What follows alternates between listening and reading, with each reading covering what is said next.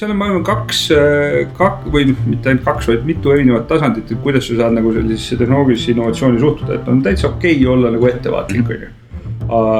ja mitte nagu võtta kõiki uusi asju koheselt kasutusele, vaid enne lasta nagu testida, enne lasta natuke settida asjadel. aga ma arvan, et ohtlik on see, kus hakatakse neid, kes teevad, hakatakse tagasi hoidma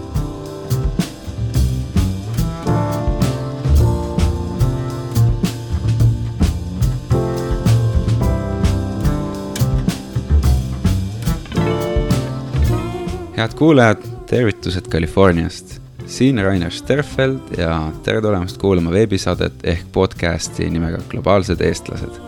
kus igas saates on minu külaliseks rahvusvahelisel areenil tegutsev eestlane või Eesti päritolu inimene, kellega vestleme nende eduloost ja mõtestame lahti kasulikke töömeetodeid või soovitusi konkurentsis püsimiseks, aga ka nende lemmikraamatuid, filme, treeningkavasid ja muud sellist inimesed väga erinevatelt eluvaldkondadelt, olgu nad arstid, kunstnikud, poliitikud, sportlased, ettevõtjad ja kõik, mis sinna vahele mahub. iga saate läbivaks teemaks on ka Eesti käekäik, eestlus globaliseeruvas maailmas, meie vabaks kasvamine ja mida saaks igaüks oma elus teha selleks, et rahvusvahelises konkurentsis võita sellest ja paljust muust räägimegi vabariigi sajanda sünnipäeva lävel globaalsete eestlastega nii väljaspool kui Eestit kui ka kodumaal. enne kui alustame, oleks äh, hea rääkida ka sellest, milleks selline saade.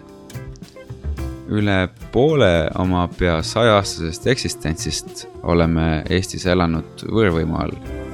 Äh, vabarahvana oleme kaks korda demokraatlikku ühiskonda, äh, riiki ja majandust üles ehitanud ja viimase kahekümne viie aasta jooksul oleme näinud kiiret arengut nii kodus kui maailmas meie ümber. eestlaste liikumine äh, vabas maailmas on andnud võimaluse panna meid proovile ka tippkonkurentsis erinevatel elualadel ja küsimus on, et milline on olnud äh, märkimisväärsete globaalsete eestlaste käekäik. kuidas ja mida on nad edu nimel pidanud tegema või, või loobuma? ma isiklikult ootan neid vestlusi huviga sest igaühelt neist on midagi õppida ja enda eluski rakendada. ehk siis meie podcast'i eesmärk on luua mälupilt äh, Eesti mõtlejatest üle maailma nüüd vabariigi sajanda sünnipäeva eel. meie esimene saatekülaline on IT-ettevõtja ja reaalmaailma mõtleja Sten Tamkivi. Ähm, laiemale avalikkusele on Sten tuntud kui pikaaegne Skype Eesti juht kes täna on ettevõtte Teleport kaasasutaja ning tegevjuht. Nende kolme aasta jooksul, mil Sten oli Silicon Valley's, veetsime tihti aega koos Eesti ja maailma asju arutades. ja ma võin öelda, et Sten on tõeline globaalne eestlane. ta on äh, sündinud, kasvanud Eestis pöördelistel kaheksakümnendatel, üheksakümnendatel õppinud ja töötanud mitmes kohas maailmas ja olles nüüd tagasi Eestis, on tema tegevus jätkuvalt väga rahvusvaheline. ta on lisaks ka tehnoloogiainvestor ning ta hoolib Eesti käekäigust. ja me räägime paljudest asjadest, äh, tema algusaastatest Tartus ja kuidas ta esimest korda vahetusõpilasena Silicon Valley'sse sattus, kuidas algas tiigrihüpe, äh, kuidas ta Skype'i sattus mida on ta õppinud näiteks maailma eri paigus elades, äh, töötades ja õppides. Äh, räägime nüüd äh, ka Eesti tulevikust ja innovatsioonist, millised näevad välja tema päevad praegu ja paljust muust. seetõttu oleme kõik olulisemad asjad, mida Sten mainib, lisanud viidetena ka saate märkmetesse, mis asuvad podcasti enda veebilehe aadressil memokraat.ee kaldkriips podcast pika sissejuhatuse lõpuks soovin teile nauditavat kuulamist siin on minu vestlus globaalse eestlase Sten Tamkiviga.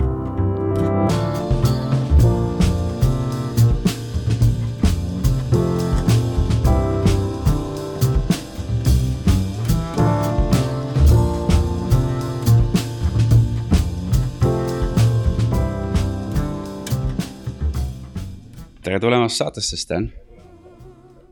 tervist ma istun praegu Rani orus, kus me mõlemad päris palju aega veetnud, vist mõlemad üle kümne protsendi oma elust. kus sa ise praegu viibid? mina olen Tallinnas telefonikontoris ja vaatan vaataja on Tallinna lennuväljale ja, ja Ülemiste järvel. see on niisugune naljakas koht, et vaata enamik inimesi ei pane tähele, et Tallinnast pool asub sellise mäeserva peal. et kui sa oled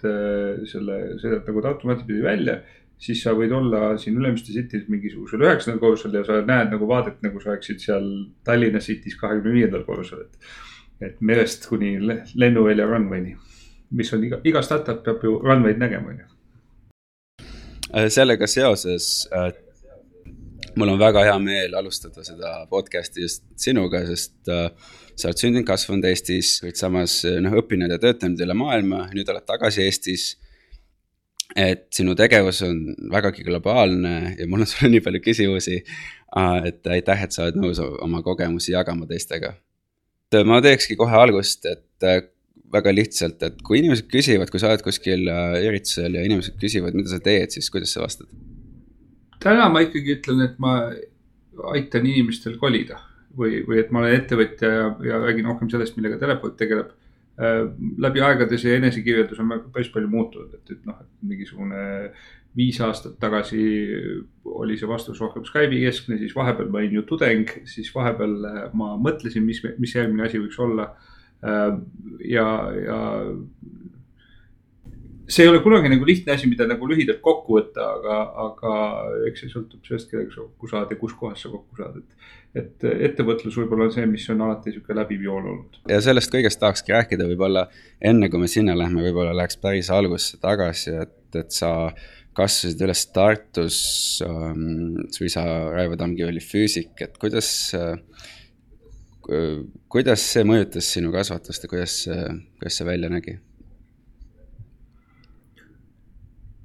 Tartu, no selles suhtes ma olen Tartu poiss küll, et, et oma esimesed kaheksateist aastat elasin ma järjest seal ja. ja käisin Tartus nii keskkoolis kui ka põgusalt ülikoolis ja, ja enamik mu lapsepõlvesõpru on kuidagi Tartuga seotud. ja eks ma mingil määral tänu oma vanematele, ka mu ema oli või on kirjandusteadlane, et, et mingil määral oli see ka selline Tartu Ülikooliga seotud lapsepõlv või et su vanemad ja nende sõbrad on kõik ülikooliga seotud ja, ja see nii-öelda mingisugune Tartu vaim, müütiline Tartu vaim, millest räägitakse, et ma kujutan ette, et ma oma lapsepõlves seda pisut nägin ka ähm,. eks sellises keskkonnas, keskkonnas kasvamine mingisuguse jälje sulle jätab, et noh, näiteks see, see, et miks ma võib-olla ka hilisemas elus ülikooli sattusin, oli see, et äh, kui sa kasvad üles teades, et kõik normaalsed inimesed käivad ülikoolis, et siis on kuidagi raske keskhariduse pääse, baasil läbi elu libiseda. Äh, või, või äh, mingisugused ootused elukeskkonnale, et see, et sa tahad, ma ei tea, jala käia või rattaga sõita või, või sulle ei meeldi suured ummikud, et need asjad ilmselt on ka võib-olla pärit sellest, et kus sa,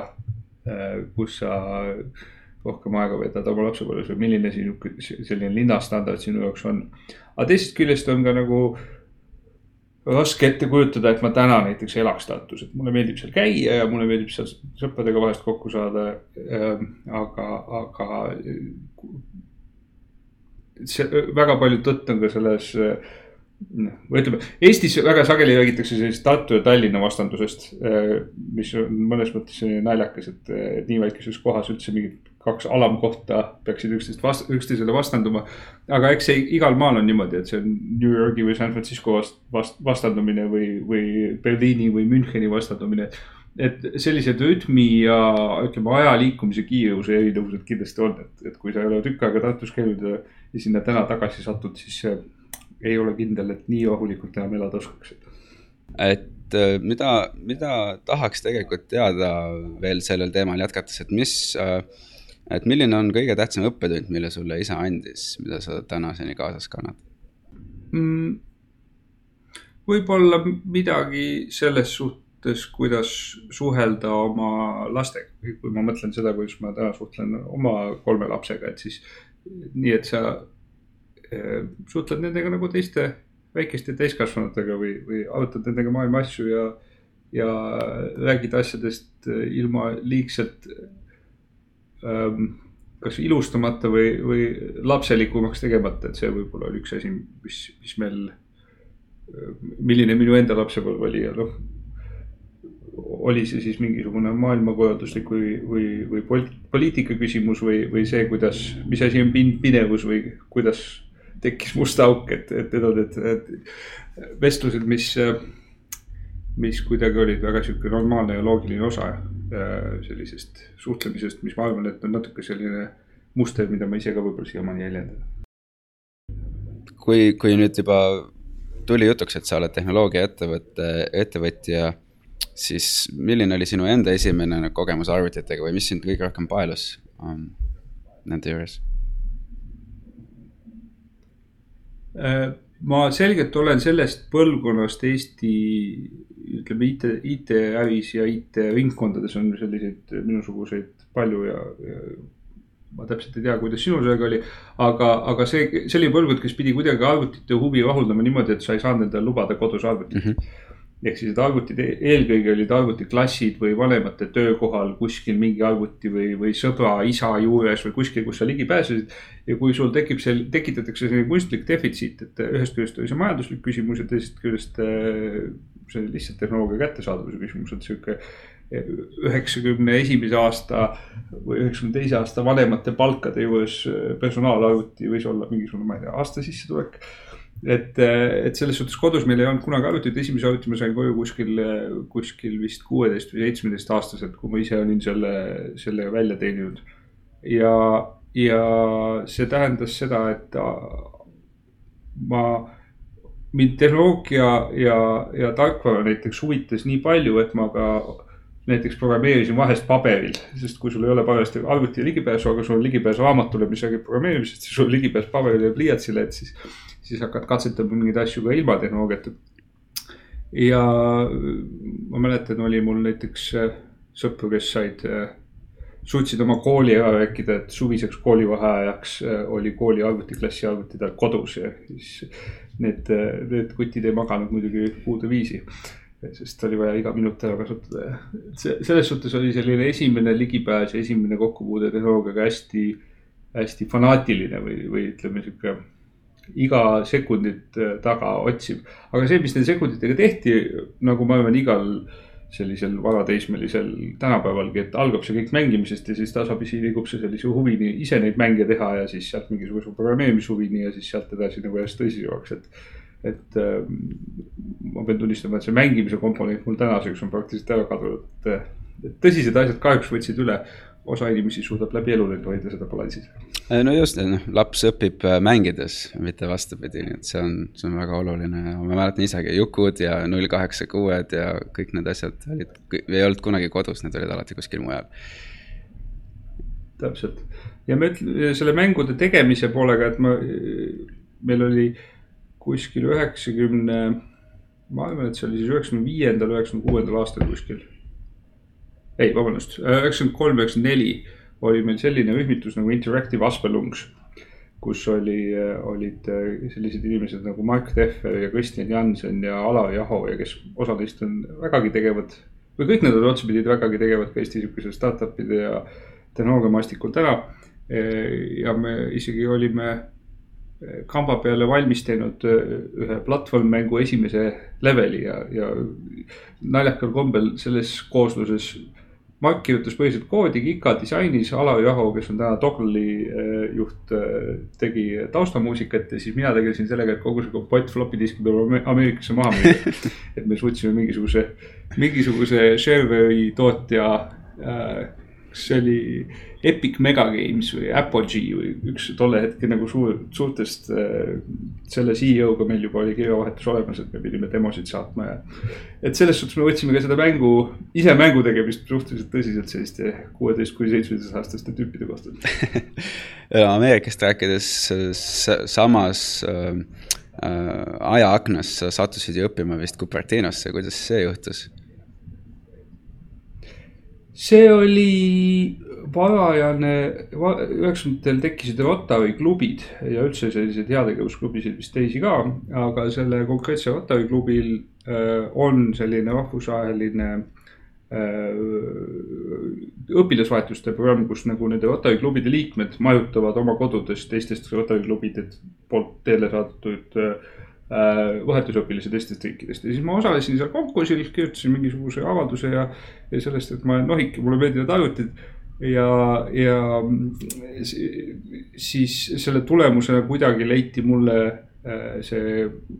sihtpunkt või match just Silicon Valley's asuva Rotary klubiga. et seal oli mingisuguseid teisi Eesti seoseid veel, nad olid enne teinud vist, ma ei tea, need Ameerika klubi, klubid olid teinud vist äh, Mustamäe haiglas mingeid meditsiiniprojekte või mingeid selliseid üldiseid heategevusasju, aga et siis, siis see Silicon Valley või Renioru ühendus kuidagi seal tekkis. ja siis ma olingi aasta aega Cupertinos äh, ja õppisin Monta Vista HI nimelises keskkoolis, mis juhtumisi oli selline ähm, ta oli tollel hetkel üks Ameerika viiest pilootkoolist, mille, kui Al Gore hakkas üheksakümnendate keskel välja kuulutama, et internet on information superhighway ja, ja sellist haridussüsteemi kaasajastamist, siis see oli üks viiest pilootkoolist, mistõttu see oli nagu absurdselt hästi tehnoloogiaga varustatud, et meil oli kuskil. kui ma õieti mäletan, siis tuhande kaheksasaja õpilase peale oli vist kas tuhat nelisada arvutit ja NASA toodud fiiberoptiline internetiühendus ja kõik sellised asjad üheksakümnendate keskel. Aga samal ajal arvutiklassis me kasutasime veel näiteks äh, Yahoo otsingumootor või internetikataloog, tol hetkel paiknes veel aadressil yahoo.cs.stanford.edu. ehk siis äh, Stanfordi ülikooli arvutiteaduste tudengite tehtud suvaline veebilehekülg, et, et see oli äh, ütleme sellise esimese internetibuumi, selle, selle, selle suure buumi, mis kaks tuhat pauguga lõhki läks, et ma sattusin kuidagi selle algushetkel keset Silicon Valley't ja kuigi sa oled selline keskkoolipoiss ja, ja noh. see kool on küll hästi alustatud, ega ma ühtegi tehnoloogia startup'i eriti lähedalt ei näinud, et ikkagi see, et sa igal hommikul sõidad rattaga Apple'i peakorterist, mis veel oli suhteliselt pisike ja ainsast Microsoftist väljaspool Redmondi ja ja Symantecist ja sellistest suurtest äh, logodest mööda oma kooli poole, et siis äh, või, või äh, need täiskasvanud inimesed, kellega ma kokku puutusin, ikka keegi kutsub kellegi juurde aiapeole, kus on kohal ka mees, kes leiutas hiire, et, et sellised väiksed anekdoodid, nagu ma arvan, jätsid üsna sügava jälje selle aja kohta, et kuigi ma olin juba nagu arvutinohik enne sinna minekut, et siis sealt tagasi tulles on olnud ilmselt suhteliselt raske uskuda, oleks olnud kuidagi arvata, et ma mingi muu aja, ala peale veel kunagi satun. ja see on väga huvitav, kuidas siin olles Silicon Valley's äh,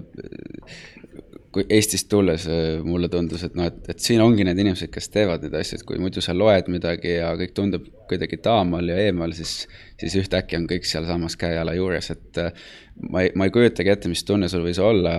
kui sa läksid üheksakümmend neli, üheksakümmend viis, Eesti oli vaba olnud alles mõned üheksad aastad ja sinna äkki maanduda Apple'i peakontori kõrvale ja, ja näha kõiki neid asju, et see võis olla päris huvitav. See on üks asi, mis, mis tagantjärgi ma nägin siis ja mida üle või see, sealt edasi toimunud elu on nagu väga sügavalt kinnitanud, et noh, et kasvõi Skype'i raames või, või nüüd elades, et. et kui sa nagu veedad ikkagi näost näkku aega inimestega, kes on loonud väga mõjukaid tehnoloogiaid ja kui, kui nende seas on nagu äh, noh, inimesi, keda, keda meedia vaatab läbi selle prisma, et kes neist on miljardär, on ju, et noh. mis maailma mõttes, see, kui sa oled Eestis keskmist palka saav inimene, siis sa oled juba top üks protsent maailma sissetulekust, umbes top kaks protsenti. et see, et, et on maailma, ütleme rikkuselt esipaarisaja hulka kuuluvaid inimesi sa kohtad oma elus. just nagu sellises tehnoloogiatööstuses siis nende juures kõigi juures ühine joon, mis, mis ajapikku nagu, millega sa ära ajud, on see, et nad on kõik täiesti tavalised inimesed. Nad võivad olla superintelligentsed. Äh, nad võivad olla erakordselt edukad ajastajad, neil võib olla suurepärane võrgustik, et õigel hetkel tõsta õige kapital ja õiged inimesed kokku viia ja mingid asjad käima panna. aga tegelikult nad on ikkagi lihast ja luust inimesed. ja võib-olla see, see kasvõi noh, laiemalt mõelda, et miks õpilased peaksid käima vahetusõpilaseks või miks tudengid peaksid väljas õppima ja miks, miks ma ei tea, kui Eesti tudeng läheb kuhugi praktikale, et ta peaks proovima seda teha mõnes võimalikult suures ja vinges firmas kuskil maailmas. on see, et, et mida varem sa saad selle kogemuse kätte, et need inimesed teevad midagi, mis ei ole mitte üliinimlik, vaid on midagi, mida ka, ka sina võid teha, kui sa tahad. et, et see ähm, selline eeskuju ja, ja ütleme, mingeid hirme või dogmasid või, või, või, või selliseid äh, peas olevaid, ainult sinu peas olevaid piire maha võtvad kogemused on, ma arvan, hästi vajalikud ja kasulikud sellises kujunemise eas mm. -hmm. no hea näide ise sellest on see, et noh, need inimesed lahendavad mingeid kindlaid probleeme, nad on kirglikud selle lahendamisel. nüüd tulles tagasi näiteks, kui sa tuled Eestisse tagasi äh,, tuleme aastasse üheksakümmend kuus, Eesti teeb tiigrihüpet reaalselt ka, see, see ei ole tehtud raha pärast, vaid vaid sellepärast, et Eesti vajab mingisugust hüpet ähm, vabas maailmas äh, on, on oluline areng toimunud, samal ajal kui me oleme viiskümmend aastat olnud ära lõigatud, et. et kuidas see sinu jaoks äh, see tiigrihüpe tuli ja see on üks noh, Eesti edu sümbolid üheksakümnendatest, eks. et sa olid alles ju õpilane ja, ja mismoodi see kõik sinu jaoks toimus? tiigrihüpe sai, sai juhtuma selliste inimeste äh, tõukamisel, et, et oli tollel hetkel vist äh, Eestis saadik Ameerika Ühendriikides oli keegi Toomas Hendrik Ilves ja siis oli Eesti haridusminister Jaak Aaviksoo. ja need kaks äh, meest arutasid asja ja kuidagi jõutis tiigrihüppe nagu plaanini või kujuni, et meil oleks vaja, et Eestis kasvaksid üles inimesed, kellel on tehnoloogia kirjaoskus ja, esimene samm selleks on see, et neil peab olema tehnoloogia ligipääs. ja, ja siis tuli selle plaaniga kaasa president Meri, äh, kes hakkas selle selliseks avalikuks toetajaks või patrooniks ja näoks. Äh, ja siis selle ümber tekkis selline asi nagu tiigrihüppe, ma ette mäletan, selle nimi oli peakomitee. ja seal peakomitees olid mitmed auväärsed äh, inimesed, kes olid seotud hariduse ja hariduse juhtimise ja tehnoloogia juhtimise ja selliste, selliste tähtsad inimesed ja siis kellelgi seal pundis tekkis tunne, et kui nad teevad hariduse ja kooli jaoks projekti, et siis äkki võiks olla mõni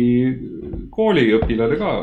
asjaga seotud, kelle käest aeg-ajalt küsida, et mis, mida tegema peaks või, või mis, mis ta ühest või teisest asjast arvab. ja ilmselt selliste juhuste kokkulanguse tõttu, äh, kuna,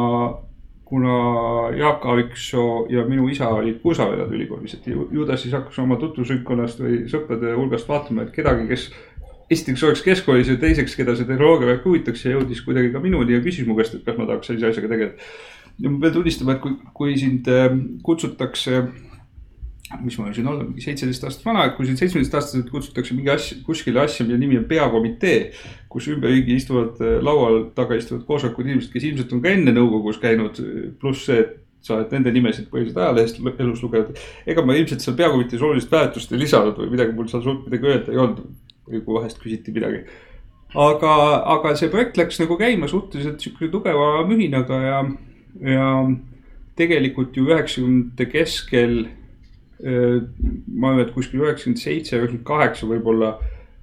saavutasime juba selle punkti, kus kõikides Eesti koolides oli püsiühendus.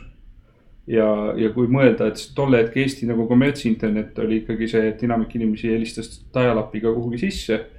ja võib-olla kehvad telefoniliinid ei lasknud suurimat faili allagi tõmmata. et siis see, et, et ka Eesti kõige väiksemates külades sai minna kooli raamatukokku ja kasutada internetti, et ma arvan, et see oli sihuke äh, hariduslik, haridusele mõjus, mõjus äh, väga suuresti ja ilmselt ka mingisugusele kohalikule elule või regionaalselt äh, üldse, üldse andis nagu lootust, et maal saavad juhtuda ägedad asjad, mitte ainult linnakoolides. ja noh, ma ei tea, kui täna, täna vaadata, kes kes on need äh, inimesed, kes ehitasid äh, Skype'i või, või kes teevad TransferWise'i või kes, kes on nendest mitmesaja töötajaga IT-tiimides, et sisuliselt ikkagi seal domineerivad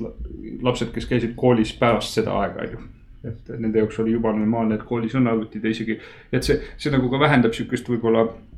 mis ma enne mainisin, sihukest majanduslikku nagu ebavõrdsust, et mitte kõik ei saa endale kodust tehnoloogiat lubada et, et ma usun küll, et, et nagu tänase president Ilvese ja Jaak Aaviksoo nagu sageli on, et eks, eks sellise paarikümne aasta pärast vaadatakse tagasi ja, ja tänatakse neid, aga tol hetkel oli ju ka väga palju inimesi, kes arvasid, ma mäletan koolijuht Lauri Leesi, kes, kes arvas, et tahvel ja kõihvel on ikkagi nagu need asjad, mida koolis vaja on ja kõik muu on liigne ei, ma, ma arvan, et jah, et selles hetkes olles on alati kõik, noh, kõigil inimestel on raske just aru saada, mida tehakse, sest see on absoluutselt midagi uut, aga see on. ma arvan, et te tegite väga tänuväärset tööd ja sinul, ma arvan, et kindlasti oli roll, mis siis, et sa vähendad seda siin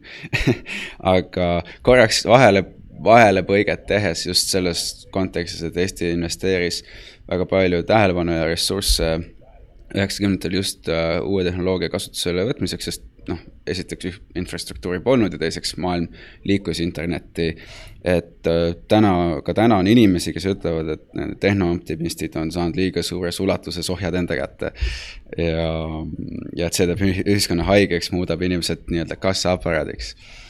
et ähm, seda kuuldes meenub mulle esimese asjana küll Silicon Valley's hetkel populaarne debatt äh, universaalse sissetuleku üle Äh, nagu sa väga hästi tead, et noh, kuna automatiseerimine võimaldab inimestel tegeleda loovamate asjadega ja, ja ma tahtsingi rohkem küsida selle pika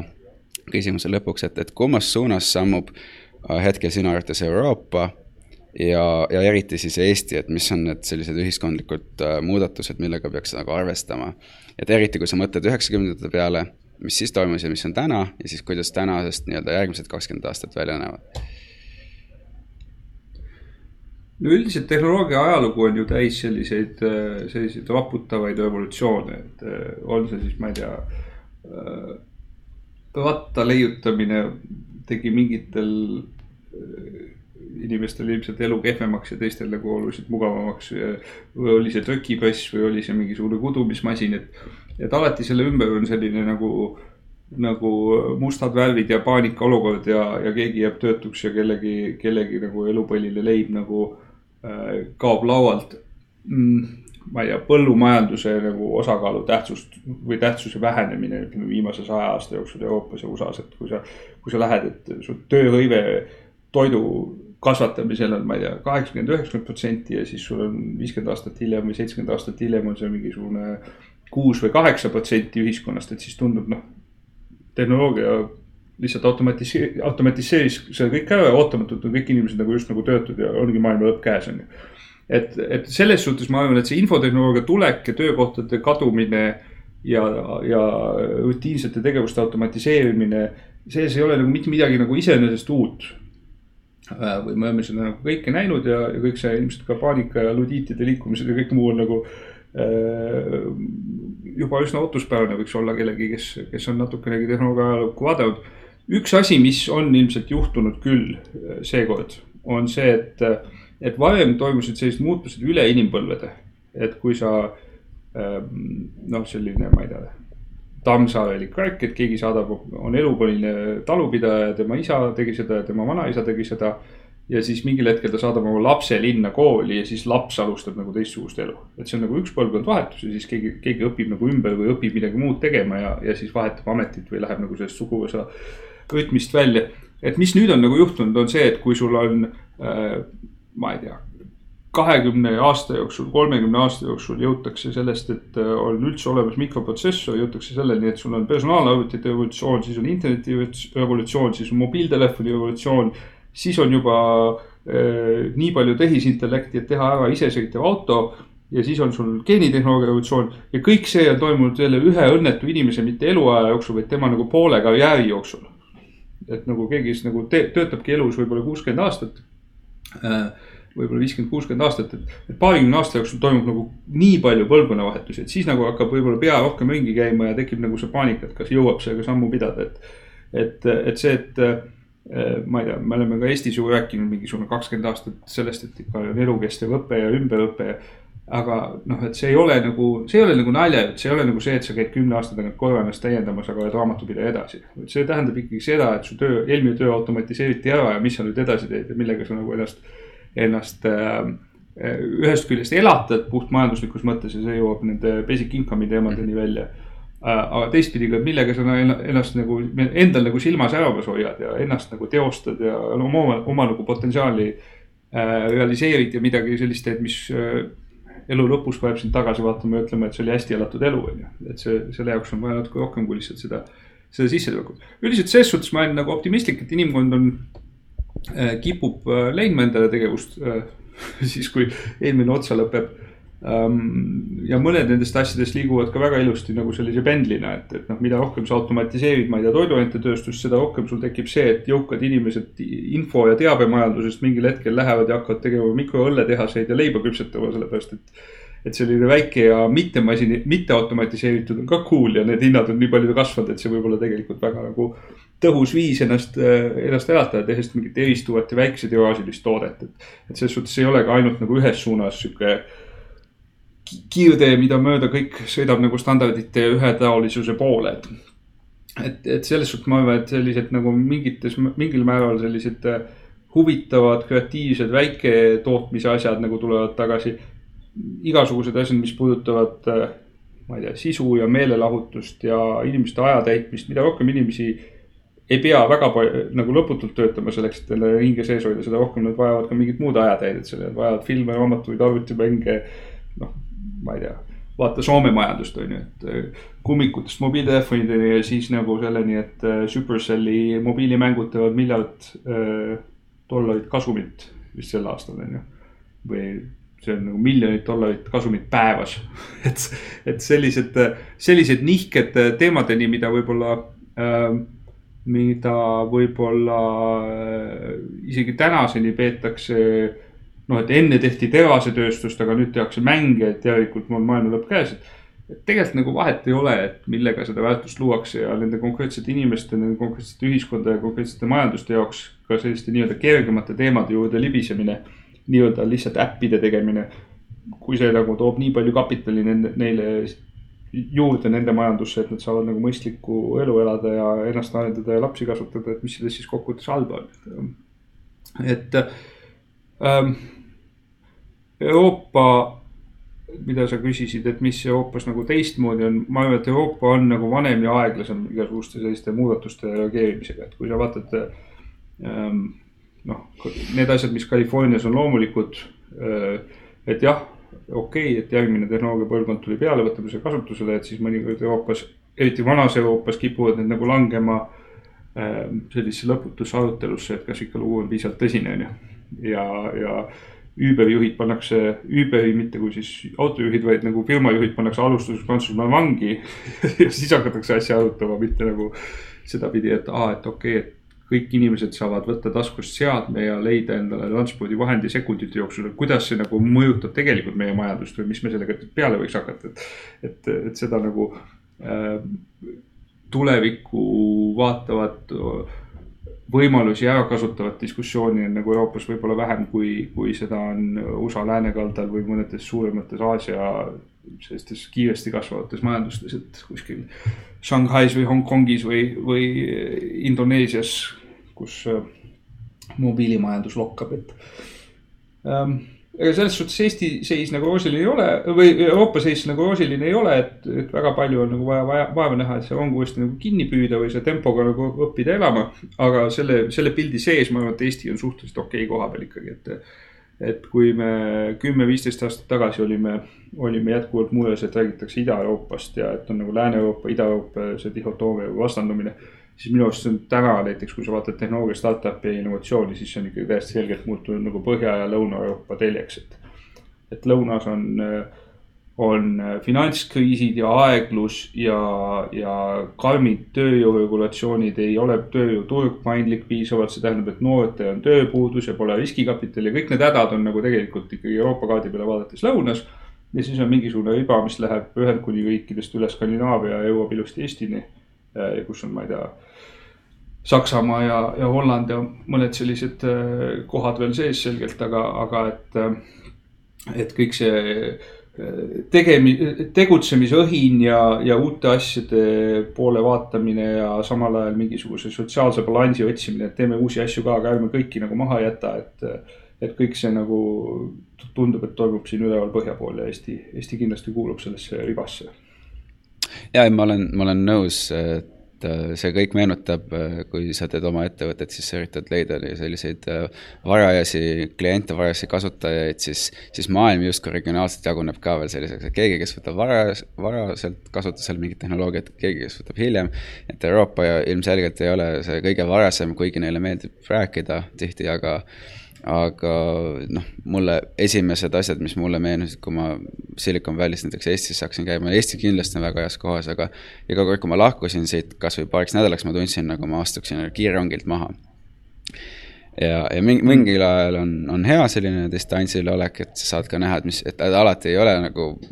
selline edasimarssimine mõistlik, aga enamus juhtudel, noh, mida rohkem ideid genereerid, seda parem on ja mulle on viimasel ajal kogu selle debati juures hakanud tunduma lihtsalt, üritan lihtsustada, ähm, et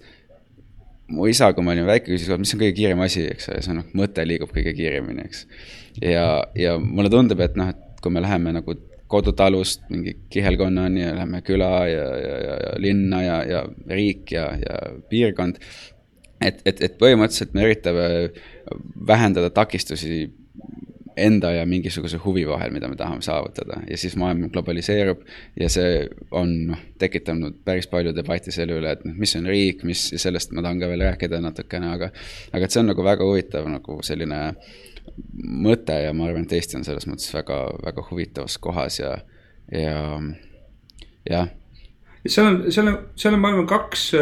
kak- või noh, mitte ainult kaks, vaid mitu erinevat tasandit, et kuidas sa saad nagu sellisesse tehnoloogilisse innovatsiooni suhtuda, et on täitsa okei okay olla nagu ettevaatlik, on ju. ja mitte nagu võtta kõiki uusi asju koheselt kasutusele, vaid enne lasta nagu testida, enne lasta natuke settida asjadel. aga ma arvan, et ohtlik on see, kus hakatakse neid, kes teevad, hakatakse tagasi hoidma ja et vot, et kui sul on nagu sihuke ühtlane mänguplats, kus kõigil on nagu võimalik, võimalik teha, mis nad tahavad ja et sihuke piisavalt vaba ühiskond ja piisavalt sihuke ähm, äh, vaba majandusruum on ju. et siis see on,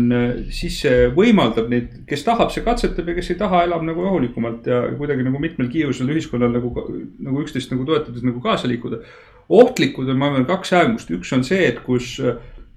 mis on võib-olla asi, millest me hüppasime nagu üle või oleme siiamaani suhteliselt pääsenud, on see, et äh, ühiskonnad, mis muutuvad väga hierarhiliseks. on see, et näiteks, kus noored inimesed ei saa tegutseda, seepärast vanad on juba toolidel ees ja vanad ei luba näiteks, et kui sa, kui sa mõtled mingisugust, äh, ma ei tea kui sa ilmselt töötad Frankfurdis, siis, siis ülikooli lõpetades on sul võimalik ainult tööle minna kohtadesse, kus on vähemalt kaheksa kihti ülemusi su pea kohal, on ju, et, et noh, et mingisugune koosolek ja mingi komitee otsustab, et millist projekti sa võid järgmine nädal teha või mitte ja noh, et sa lähed sellesse keskkonda sisse, ei olegi võimalik, et sa seda katsetad ja mängid, on ju. kui sa vaatad üheksakümnendate äh, sellised meievanuste nagu üheksakümnendate keskkooli lõpetajad, siis sa lõpetad keskkooli, vaatad, ah pagan, ma olen rongist maha jäänud, sellepärast et kõik ümberringi on pangadirektorid ja kakskümmend kaks aastat vanad, on ju et, et siis, siis selline, selline nende hierarhiate ja allasuruvate äh,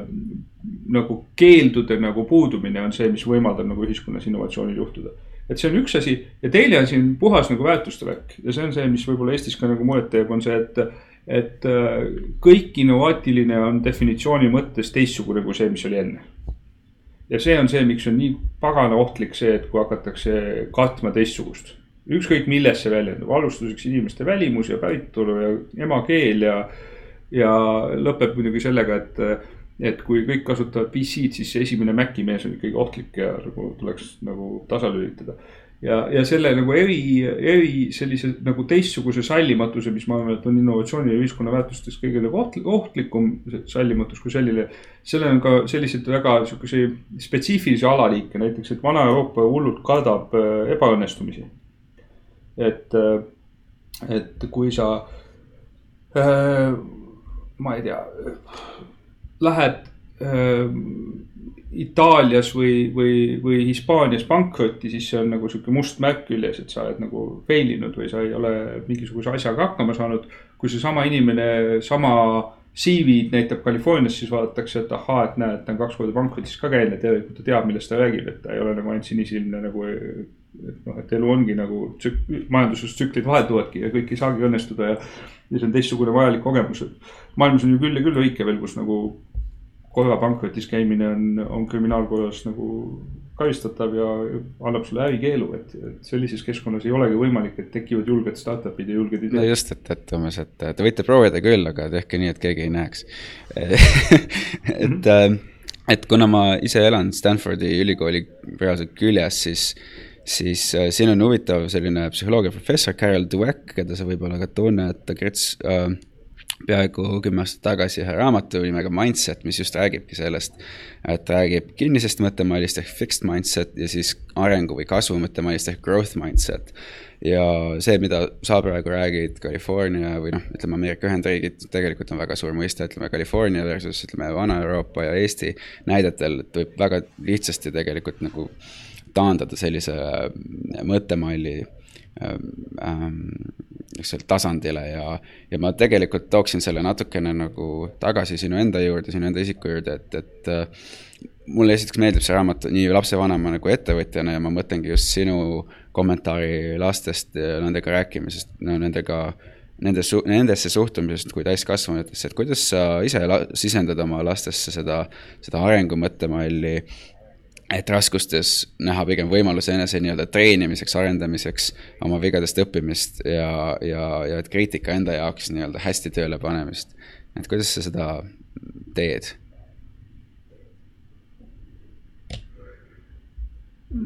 meil on Edega kolm last ja, ja selgelt noh, kindlasti see ei ole teema, kus ma üldse tahakski võtta mingit kuidas mina seda teen, vaid see on niisugune hästi, kuidas meie mm -hmm. seda mhm. teeme, et. et üldiselt selle ikkagi nagu, nagu noh, meie lapsed täna on kuidagi kasvanud niimoodi, et kui neilt täna küsida, et kus on kodu, siis nad ütlevad seal, kus on perekond, on ju. et kodu ei ole nende jaoks nagu füüsiline koht, on ju, me oleme piisavalt palju ringi kolinud nendega, me oleme kahe vanema lapsega elanud neljas riigis ja, ja Eik nüüd sündis äh, Ameerika Ühendriikides ja on nüüd Eestis on tal teine riik. ja, ja selles, kui sa nagu palju ringi liigud, siis see tegelikult muudab ka nagu sihukest perekonda ühikuna nagu tugevamaks või et noh, et sa, sa mitu korda nende lühikese elu jooksul on nad olnud keskkonnas, kus nagu ainsad inimesed, keda nad tegelikult tunnevad ümberringi on nende pereliikmed. et kui sa oled äh, kaheaastane, siis on suht suva, kui sa oled kaheksa aastane, siis juba see natuke ilmselt mõjutab seda, kuidas sa asju näed ja see, see, kui see teeb su nagu perekonna sihukese üksuse nagu tugevamaks ja üksteisest nagu sõltuvamaks või, või üksteisele õpit-, õpitakse üksteisele rohkem lootma võib-olla mingites asjades. siis eh, võib-olla see ka lihtsustab natukene selliseid äh, mingid väärtused näiteks, mis me oleme Edega kokku leppinud, et meil peres äh, on, et siis äh,, siis see annab nagu sulle rohkem võimalusi neid nagu kinnistada või nendel teemal nagu arutada, et, et on see siis äh, ma ei tea, oma arvamuse viisakas või au, nagu teist poolt austav nagu selgitamine või läbirääkimine või sõnadega asjade lahendamine, sellised, sellised lihtsad asjad ähm,. või on see just teistsuguses arusaamine, et kui sa juhtumisi oled äh,, lähed kooli keskkonnas, kus sa ei oska kohalikku keelt nagu, nagu Gustav Jõta pidid tegema USA-s, et noh, et see see mõned asjad on sellised, mida, mida ilma nende ümbritsevate kogemustega peaks rohkem nagu seletama. aga, aga kui sa nendesse olukordadesse satud ja oma lapsi ka tegelikult kaasad sellistesse kultuurimuutustesse, keskkonnamuutustesse, siis, siis mõned nendest õppetundidest muutuvad nagu väga visuaalseks või et sa võid arutada seda, mis täna koolis juhtus ja see juba sisaldab nagu kahte või kolme juhtumit, mida võib-olla nad Eestis ei oleks näinud, on ju ehk siis äh, ah, ma ei tea, see on sihuke, äh,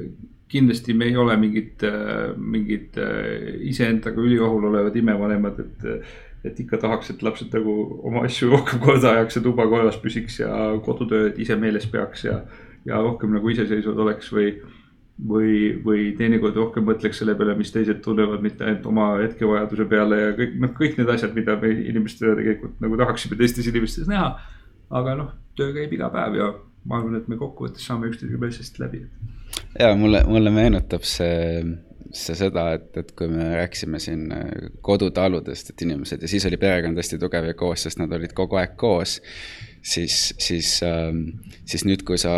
räägid oma elust ja ma võin oma eluga seda väga hästi ka samamoodi võrrelda, et, et ringi liikudes, kui sa oled, mida rohkem aega veedad oma perekonnaga, sest sa liigud ju koos, siis seda rohkem kokku kasvad ja, ja mingis mõttes see üliliikuv elu ja see üli mitteliikuv elu vanas nii-öelda eks ole, talus on mingis mõttes väga sarnased. et elu ei ole väga palju muutunud ja vahepeal on olnud selline äh, väga suur liikumine, eks ole, kus tõesti inimesed läksid laiali ja jäidki laiali, aga praegu tundub, et on ühendatud maailm ja internet aitab äh, koos olla ja eriti kui perekond on alguses koos olnud, siis nad ähm, ka jätkavad äh, suhtlemist seal ikka mingi, mingid suured sellised sotsiaalsed muutused yeah. on tekkinud, et üks asi, mida ma selgelt nagu näen meie äh, meie põlvkonnas äh, laiemalt on see, et, et me kõik tunneme äh, ütleme, võttes konkreetselt nagu Eesti ettevõtjad, kellel on, on mingisugune tehnoloogiaettevõtted või startup inimesed, kellel on mingisugune osa komponent alati välismaal on ju. siis kõik need inimesed ilmselt tunnevad kuskil tuhandet, kahte tuhandet inimest äh, oma mingis tööstuses ja sektoris. ja kõikide nende inimeste puhul on see, et nad ilmselt ei suudaks nimetada viite oma naabrit. just. ehk siis ehk siis, et see kogu see nagu sotsiaalne graaf, et sul on nagu perekond on nagu tugevam unit, sul on hästi tugev nagu, nagu huvide ja, ja majandus ja, ja, ja väärtustepõhine võrgustik, mida sa pead tavaliselt eh, elus nagu tehnoloogiat kasutades või üle interneti ja seal nagu kõige tüütum asi on ajavöönd, aga üldiselt nagu asukoht ei mängi erilist rolli. Et, et kui, kui ma olen Californias, siis ma olen ikka samas chat'is samade Eesti sõpradega Äh, kes vahetavad ikka samasuguseid Eesti meediast mingeid linke, nii et ma nagu tunnen, et ma olen nagu inforuumis nagu sees, on ju. et ma ei, ma olles füüsiliselt eemal nagu see, see info, mis on nagu mu enda sotsiaalsest graafist ja enda huvide ja need sõbrad, kellele mind ühendavad mingisugused väärtused, nendega. see, et nemad on osa maailma pidi laiali ja mina olen kuskil mujal ära, et see nagu ei mõjuta, aga samal ajal ei tundnud ma Californias oma kahel pool naabreid ja ei tunne ma tegelikult Eestis ka neid nagu liigagi hästi, et võib-olla kui sa lähed nagu Tallinnast välja, kui sa lähed Saaremaale suvemajja, et siis seal nagu sa tunnetad natuke rohkem seda, et see ütleme, sihuke väike kogukond või see füüsiliselt ligistikku asuv mm -hmm. küla või see kogukond nagu. nagu loeb natuke rohkem või see on kõigile, kõigile selle liikmete on nagu rohkem nagu vaja ja oluline, kaasa arvatud ka sulle, kui sa tahad olla seal nagu Eh, hea külaliige on ju, et siis nagu sellega natukenegi rohkem seotud mm. olla mm.. aga sellises, ütleme eh, linnakeskkonnas ma näen küll, et, et hästi palju neid vajalikke suhteid on virtualiseerunud ja iga see virtuaalne suhe, mida sa elus hoiad, tegelikult teisest otsast jätab mingisuguse lähikonna juhusliku füüsilise suhte ära, et. no piltlikult öeldes, kui sa päev otsa istud nagu Skype'is ja Fleep'is ja Facebook'is, et siis, siis nende tundide arvel sa juhuslikult tänaval või kohvikus ei kohtu inimestega. nojah, et uh, uue, uue maailma naaber on väärtuspõhine nii-öelda naaber, mitte sinu füüsiline nii-öelda lähedus kellelegi teisele, eks ole. et. Äh, Telepodi üks, üks kaasasutajatest, Balaji Srinivasan äh, äh, kirjutas selle kohta Wired'is ühe suurepärase loo nimega Software is reorganizing the world äh,. ehk siis maailm äh, korraldab või tarkvara korraldab maailma ümber või reorganiseerib äh, maailma ja kus tema point oligi see, et kui sa võtad näiteks inimesed, kes, kes kirjutavad koos äh, Linuxi koodi. avatud tarkvaraprojekt, sadu programmeerijaid töötavad täiesti suvalistes kohtades maailmas ja lihtsalt parandavad üksteise koodi, täiendavad üksteise koodi. et see on nagu see töögrupp või see on nagu kollektiiv või see on nagu need kõik inimesed, kes usuvad avatud tarkvara, teevad Linuxit ja siis, siis võib juhtuda, et näiteks enne kui tuleb uus suur Linuxi versioon välja, et siis nad võib-olla tahavad kaheks nädalaks kokku saada ja esiteks koos selle välja lasta ja teiseks tähistada ja teha peo, on ju. et siis see tähendab seda, et sul on nagu see, see kogukond töötab koos ja loob nagu väärtust ja teeb seda, mida nad hästi oskavad, teeb täiesti virtuaalselt. ja siis on nagu mingisugune ajaline aken, kus nad otsustavad, et nüüd koguneme ühes füüsilises kohas maailmas, on ju. ja see füüsiline koht võib olla nädalaks see võib olla kaheks kuuks, ma ei tea, startup inkubaator, mingid tiimid sõidavad kokku kolmeks kuuks ja töötavad koos ja siis jälle laiali teevad oma asju mujal. ja siis see võib olla kümneks aastaks, et see viimane näide on pigem sihuke Silicon Valley, kus üle, üle maailma sõidavad kõik kokku või ma ei tea. Eh, mõnel usul on oma meka, on ju, et kuhu inimesed sõidavad kokku ja siis tahavad seal olla, sellepärast et see väärtus ühendab neid. aga see, see nagu üleminek sellisest virtuaalsest füüsilisele koosviibimisele on, on nagu üha huvitavam, et see see, et sa juhu, noh, sünd on absoluutselt suur sihuke statistiline juhus, see, kuhu sa sünnid. ja, ja see dikteerib ometi nii palju, et millise kodakondsuse saad, millist keelt su vanemad räägivad, mida nad sulle õpetavad, mis väärtused sul on, kas seal on religioon või mitte, kas seal parajasti on sõda käimas või mitte, et kõik need siuksed asjad, mis sellest tulenevad. ja, ja see saja aasta tagune komme, et, et sa lihtsalt võtad selle juhuse, võtad selle lotopileti, elad sellega elu lõpuni, et ma arvan, et seda tehnoloogia on teinud seda, et üha vähem inimesi näeb, et see oleks kuidagi nagu vajalik. et kui sulle selles kohas midagi ei meeldi, kui need inimesed, kes tahavad olla kuskil mujal, et siis sa ka vastavalt tegutsed ja reageerid ja liigud, et. Äh, see on, see on, ma arvan, see suur inimesi reorganiseeriv äh, motivatsioon. just, ja noh, seda juhtub üha rohkem ja rohkem ja ähm, kahjuks väga paljudel tegelikult seda võimalust veel täna ei ole, nii et loodetavasti see teadlikkus kasvab ka täna tehnoloogia ja inforuumi sellisele laienemisele, et äh, et me räägime siin nagu. no täna on maailmas. palun. jah, maailmas on jah, et see suurusjärkude mõttes lihtsalt maailmas on meil on, äh, läheneme kaheksa, kaheksale miljardile inimesele. maailmas on umbes kolm pool miljardit töökohta. ehk siis, et on, kui vanad ja lapsed maha võtta, et siis kolm pool miljardit teeb tööd. ja täna umbes seitsesada miljonit neist töötab informatsiooniga, ehk siis on mingid teabetöötajad, liigutavad info, infobitte, mitte aatomeid oma töös ja vot see on see kontingent ja kui, mis selgelt algab tehnoloogiast, et seal on see asi kõik ongi virtuaalsem, kui sa oled tarkvaraarendaja või, või veebidisainer aga sealt see algab, aga ma, ma olen täiesti veendunud, et see levib nagu sadade miljonite inimeste käitumismustriks, et ja, ei, ma olen absoluutselt nõus. ma tuleks korraks tagasi ikkagi sinu juurde ka ja sinu kogemuste juurde, et ähm, libisen kiirelt üle, et, et sa olid Halos, läksid Skype'i, töötasid üle terve maailma um,, elasid erinevates kohtades maailmas ja siis pärast Skype'i sa otsustasid minna kooli, et sul olid nüüdseks noh, kogemused, kontaktid, oskused ähm,. sa tulid Stanfordi aastaks õppima, miks sa, miks sa võtsid aega, sa võtsid aega mõtlemiseks? Jah, ma olin Skype'is selleks hetkeks olnud kuskil seitse aastat. Ja, ja ma olin, tegelikult ma liitusin startup'iga, siis ma olin seal, kui eBay tuli, siis ma olin seal, kui eBay müüs osa ära siis oli meil äh, selline agressiivsem investorite grupeering, kes, kelle, kes üritas kõik, kõike seda börsile viia ja siis napilt enne, kui see juhtus, siis Microsoft ostis meid ära, et. et ma olin nagu näinud nii palju omanikke, ma ei, kõige, kõige nagu sihukesel suuremal muutuste hetkel ma kunagi vaatasin kuupäevade järgi, et ma raporteerisin äh, nelja kuu jooksul kolmele erinevale CEO-le. et, et see Skype'i, Skype'i lugu sellest, kuidas, äh, no mina liitusin, siis see ettevõte oli kuskil kaheksateist kuud vana kui ma lahkusin, siis äh, üle Skype'i liikus kolmandik kõikidest maailma kaugekõnedest või riikidevahelistest kõnedest. ehk siis see, see, see on selline nagu noh, et see on tead nagu sihuke raketi raketi käivitamise video, vaata, kus kosmonaudid või astronaudid istuvad seal toolis ja siis need äh, paari geene kiirendus on ja siis need nagu põset tõmbab kukla taha kokku ja kõik lodiseb näos, on ju. et kujuta ette, et sa istud seal toolis seitse aastat, on ju. kogu aeg on nagu sihuke lõputu kiirendus ja, ja noh, see on nagu ühest küljest väga nauditav, et sa elad näiteks Tallinna linnas ja sõidad nagu hommikul tööle ja vaatad, kõik sinu ümber olevad inimesed on need, kes eile liitusid mm. -hmm. seepärast iga, iga päev tuleb nelisada tuhat kasutajat juurde, on ju et see on nagu õudselt äh, inspireeriv ja jõuline, aga teisest küljest mingil hetkel sa nagu tunned, et on, on vaja nagu mingit käiguvahetust või, või hingetõmbehetke või, või, või sihukest enesemõtestamist ja. ja noh, ma ei tea, on inimesi, kes võtavad aja vaba, aja natuke maha ja lähevad kuskile Kagu-Aasiasse Anannas aasta aega. ja, ja ma tean mitut, kes on ka niimoodi väga rõõmsad olnud äh, või sõitnud mingi mootorrattaga ümber maailma või teinud mingeid muid asju aga, aga mulle tundus, et ma, ma tahaks teha midagi sellist äh, teistmoodi, aga intellektua-, intellektuaalselt stimuleerivat ja kuna ma oma esimesel katsel ülikoolis käia kukkusin sealt välja oma esimest ettevõtet tehes. siis, siis tundus, et just see akadeemiline äh,, akadeemiline tühimik võiks olla see, mida täita. ja, ja teine selline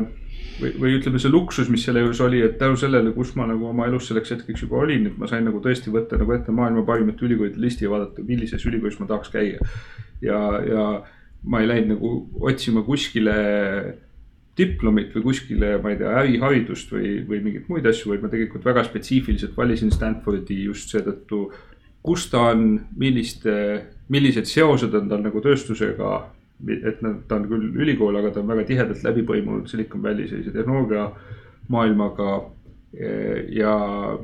ja see oli ka väga intensiivne nagu magistrikraat ja kaheteist kuuga maailma tippülikoolis tippprofessoritega, et see on, see ei ole nagu väga leebe ajakava, mis seda tekitab, et kõik see nagu tundus, et sobis mulle, et tegelikult ma. ma ei kandideerinud ühtegi teise kohta, ma saatsin sinna paberid ja, ja olid nad nõus mu vastu võtma, nii et mm. -hmm nii ma sinna ma mäletan äh, sinu blogipostitust, kus sa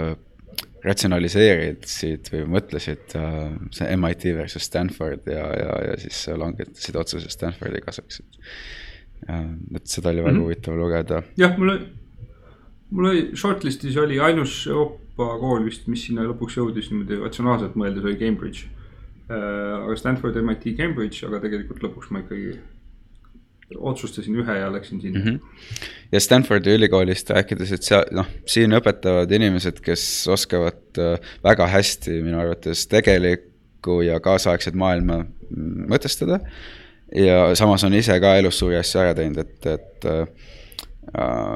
kas see sinu jaoks oli ka selline kogemus ja võib-olla oskad tuua mingi huvitavaid näiteid, kuidas, kuidas näiteks saaksime Eestis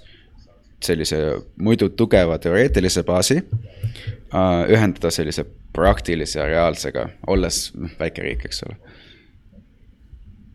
mm. -hmm. Stanford GSB, mis on Graduate School of Business või, või kus mina, mina oma aasta veetsin uh,. Nad teevad seda seal väga jõudliselt ja väga teadlikult, et, et on päris mitmeid aineid, mida õpetabki kaks professorit ja tüüpiliselt üks neist on akadeemiline või ongi, üks on professor ja teinud selle akadeemilise nagu kadalipu läbi, et sinna oma tasemele jõuda. ja teine on, on nime mõttes küll lektor, aga noh, näiteks ta nimi võib olla Erik Schmidt mm. -hmm kes on siis tol hetkel oli Google'i juht. et siis nüüd kujuta ette seda olukorda, kus ja, ja Erik õpetas, ta oli, mul õnnestus ka see, oli üks ainult valikainetest, mis mul suure loosiga õnnestus seal saada, sest mõned need ained on üsna nagu populaarsed mm, -hmm. võib arvata. Äh, et, et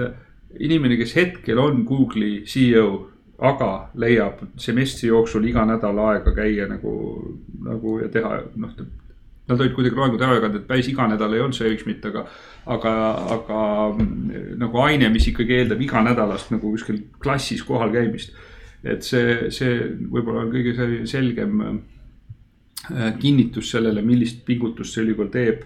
et, ähm, et äh, saada praktikud ja need teoreetikud koos nagu klassiruumi ja just, just see ka, et nad on koos seal. et sul võib olla finantsprofessor, kes räägib sulle mingisuguse Äh, riskikapitali fondi portfelliteooria nagu matemaatika või, või alfa ja beeta arvutamise ära ja siis samas loengus on mingisugune tüüp, kelle haldamise all on näiteks, ma ei tea, neli miljardit dollarit ja seda iga päev peab investeerima ja tema näitab oma Exceli tabelit, kus tema seda teeb ja ütleb, et vot see, mis just räägiti sellest osast, see kaks asja oli täielik jama, on ju, seda ei tee praktikas keegi, aga vot need ülejäänud asjad on need, vot niimoodi teeme iga päev, on ju ja, ja sellised, selliste seoste loomine on, ma arvan, üli, ülioluline, et neid asju kinnistada. aga teistpidi see tähendab ka seda, et ma arvan, et äh, see lihtsalt näitab, et mingitesse programmidesse, mingitesse koolidesse tasub minna hiljem. et ma arvan, et ma, ma sain sellest kogemusest oluliselt rohkem tänu sellele, et ma olin tegelikult juba mingisugune tolleks hetkeks äh, ligi viisteist aastat olnud ettevõtja. ehk siis see, et et sa võtad nagu nüüd oma praktilise, iseenda praktilised kogemused, sorteerid läbi, vaatad, et kus sa nagu täiesti puusse pannud ja kus sa nagu kuidagi kobamisi tegid midagi õieti. ja süstematiseerid need läbi selliste tippakadeemikute, tippprofessorite ja tipppraktikute abil, et. et see on see, kus sa selle väärtuse kätte saad, et ma arvan, et, et noh, Stanford ja Harvard ja sellised äh, suured ärikoolid tõmbavad ka hooga ligi selliseid kahekümne nelja aastasi inimesi, kes kellel on kaks aastat töökogemust, et et ma arvan, et nemad saavad kokkuvõttes nendest koolidest natuke vähem äh, sellist sisu, sisu enda jaoks, sest neil nii mõnigi avastus seisab alles ees, et. kuidas inimesi tööle võtta, kuidas inimesi lahti lasta, kuidas mingisuguse suurema organisatsiooni poliitikaga toime tulla, et nad ei ole neid, neid asju võib-olla nagu näinud veel nii palju, et, et selle ümber teadmist kuidagi süstemaatiliselt kujundada mm. -hmm ja see on, see on väga huvitav ja noh, praegu on tekkimas terve põlvkond inimesi, kes on teinud ettevõtteid vabas Eestis ja siis nendel tekib võimalus ka oma panus anda mingi hetk Eestisse tagasi, et, et see on, äh, see saab olema väga huvitav ja loodetavasti on see, ähm, on see meil võimalik ka. et. Äh, jah, see on, see on jällegi sihuke ühenduste teema, et ma arvan, et ka akadeemiline haridus nagu virtualiseerub mingil määral, aga ma arvan, et ta ei tee seda täielikult, et ikkagi selline. üks asi, mis ma nagu juhtides erinevaid kaugelt töötavaid tiime või hajutatud tiime olen õppinud Skype'ist saadik, on see, et, et inimsuhteid ikkagi üldiselt õnnestub ehitada näost näkku suheldes. ja, ja siis saab neid virtuaalselt elus hoida. mis tähendab seda, et võib-olla näiteks kahe, kolme, nelja aastase ülikooli programmi tulevik on selles, et, et sa veedad võib-olla eh, kuus või kaksteist kuud füüsiliselt samas kohas ja ülejäänud virtualiseerub, aga ma arvan, et see, see kuus või kaksteist kuud ei kao veel niipea, on ju, et seal on liiga palju väärtust nii ühes klassis vaidlemisel kui ka õhtusel õlle joomisel, on ju, et see. Need suhted, mis tekivad seal, et neid siis saad nagu üle videokõnede kaua tahad ja eluaega hoida üleval, on ju. ja, ja see tekitab selle, et, et näiteks, et Eestis teha väga head ülikooli, see ikkagi tähendab seda, et meil on vaja neid ühendusi, meil on vaja neid sidemeid, meil on vaja seda võrgustikku, et käiks ka füüsiliselt mingid inimesed kohal, et seda ei saa nagu päris niimoodi ainult teha, et. et tullakse Tallinnas kokku ja siis vaadatakse videoloenguid Silicon Valley'st. just et seal jääb mingi tükk puudu. just, no omal väiksel viisil äh, äh, ma püüan selle podcast'i seeriaga neid asju lähemale tuua inimestele um,. aga ilmselgelt ilma füüsilise kontaktita on väga raske seda teha um, massidele, eks ole, et või siis ütleme tähenduslikul moel. Ma liiguks korraks noh edasi, et äh, pärast, pärast ülikooli sa läksid liitusid äh, äh, tuntud riskikapitali firmaga Andreessen Horowitz, mille üks asutajatest on siis veebibrauseri ähm,, esimese veebibrauseri, ütleme, ehitaja, leiutaja ja teine ähm, Ben Horowitz on siis selline tippoperatiivjuht, super, superoperaator, et ähm, et kui, et sa olid juba eelnevalt ettevõtja olnud ja investeerinud juba palju varem, enne kui sa ise liitusid ja, ja sa liitusid nagu resident ettevõtjana, et kuidas oli see kogemus erinev sellest, mida olid harjunud nägema ettevõtjana nüüd seestpoolt vaadatuna mm.? Ma arvan, et selleks, mis ma tol hetkel teha tahtsin, oli see nagu ideaalne formaat, et, et ma tulin ülikoolist välja, ma rääkisin, nagu mul enne kokkulepe oli, rääkisin Skype'iga esimesena, et kas seal veel midagi huvitavat äh, leiame, ühiselt huvitavat teha. aga otsustasin, et ma ei, ma ei naase sinna. Ähm, et tundus, et see periood ikkagi on nagu ühele poole saanud ja, ja on aeg soovida edu ja liikuda edasi. ja, ja siis äh, Ben on olnud ja Ben ja Mark olid mõlemad Skype'i nõukogu liikmed ja Beniga ma sattusin Skype'i ajal koos töötama sellisel noh, et meil oli mingisugused teemad, kus, kus äh, meil olid nõukogu liikmed, kes konkreetselt aitasid konkreetselt nagu juhte Skype'i sees, et mul olid konkreetselt mingisugused paar inimest, keda mul oli vaja palgata Skype'i jaoks äh, ränivõrgu ja siis Ben aitas oma võrgustikuga mul seda teha, ehk siis ma olin temaga natukene suhelnud, ma enam-vähem nagu teadsin, mida teevad ja millised väärtused on. aga ikkagi see see kogemus, nagu see hetk, kus mul oli vaja mõelda, et kas ma liitun mõne ettevõttega, kas ma teen ise uue, et olles olnud enne seda nii, nii sellise juhi rollis kui ka ise ettevõtja rollis, et ma teadsin, et mõlemal poolel on omad plussid ja miinused ähm,. ja ma ei olnud üldse kindel, kumma ma tahan minna äh,. ma tahtsin aru saada, kas must võiks saada nagu päriselt täisajaga investor või ma tahaks teha midagi operatiivselt, et kõik need valikud olid nagu lahti. ja sellise tegevuse jaoks olla sellises tipp Äh, äh, riskikapitali firmas äh, selliste inimeste nagu Ben ja Mark ja nende partnerid nagu lähedal selles mõttes, et, et ma ei pidanud sõitma kunagi ühele, ühtegi coffee shop'i miitingule, seepärast kõik tahavad sulle külla tulla, kõik tahavad sinna kontorisse tulla. tänu sellele, et see riskikapitali fond näeb kahte, kolme, nelja tuhandet Äh, startup tiimi aastas, on sul pidev voog erinevaid huvitavaid asju, millest sa muidu loeksid kolme kuu pärast TechCrunchist, et nad tulevad sul iga päev nagu koju külla nii-öelda. ja sa saad nagu valida, et millistel koosolekutel sa osaled ja milliseid sa asju vaatad, et, et tänu sellele, et, et fondi partnerid lubasid mind juurde oma iganädalaste sisekoosolekute, kus nad arutasid kõiki neid asju, et kuhu nad investeerivad, kuhu mitte, miks on ju et see kõik andis sellise infovoo ja muutis mu sellist nagu mõttetegevust palju nagu struktureeritumaks jällegi või. või võib-olla ma sihukestes kaootilistes protsessides otsin nagu sellist struktuuri, et, et see aitas, aitas seda tekitada. pluss muidugi see, et kui ma oma esimese ettevõtte Halo äh, tegin esimese internetimulli ajal äh, ja, ja see ka selle sama mulliga lõhki läks, et, et selle nagu tegelik äratõuge oli ju see, et tekkis üheksakümne. ma tegin selle ettevõtte üheksakümne kuuendal aastal, üheksakümne kolmandal aastal tuli graafiline veebibrauser alguses Mosaic ja siis Netscape. ja see oli see, mis Mark Andreessen tegi, et siis nüüd nagu kakskümmend aastat hiljem istuda samas toas ja, ja võimalust nagu Markiga näiteks vaielda, et kas mingi diil või mingi ettevõte on hea või halb või on tal potentsiaali või mitte, et see, see on nagu noh, lihtsale Tartu poisile suhteliselt nagu sihuke huvitav nagu kõrvalt jälgida, et kuidas vahest elu, elu teeb selliseid veidraid keelkäike, et, et ähm, selles suhtes ma olen väga õnnelik, et mul oli see võimalus, ma austan neid inimesi tohutult kõrgelt äh, nii investoritena kui ka nagu sa ütlesid, Ben on, noh, see Ben'i Hard Things about hard things on, on ilmselt üks maailma parimaid varajase faasi tehnoloogiaettevõtte juhi raamatuid või, või sihukesi ausaid kirjeldusi, mida see elu tegelikult tähendab. Ähm, ja, ja nüüd on nad ka Telepodi investorid, et selles suhtes mul side nendega on säilinud, kuigi ma iga päev enam aega seal ei veda mm. -hmm. et äh, üks, üks general partner äh, riskikapitali firmas võib saada noh, umbes äh, kolm kuni viis tuhat äh, emaili ähm, aastas sellega seoses, et, et mingit ettevõtet kuulata või näha. ja ometi ta võib investeerida null kuni, null kuni kolme või viide ettevõttesse, et see, et see konkurents on nii suur tavainimene absoluutselt seda ei, ei taju, et isegi kui sa juba saad teisele-kolmandale kohtumisele, sa oled juba nii suurest lehtrist läbi käinud ja, ja ma tean, et kui sa olid Andreessen Horowitsis, siis sa ka pidasid ilusti oma, oma blogi ja, ja, ja sa lõid süsteemi, et oma ideid hinnata ja konkureerima panna. nüüd nähes, kuidas inimesed seda arutavad, siis mille poolest oli teleport teistest ideedest tugevam lõpuks, et mis, mis pani sind lõpuks just selle kasuks nagu teiste ees äh, otsustama?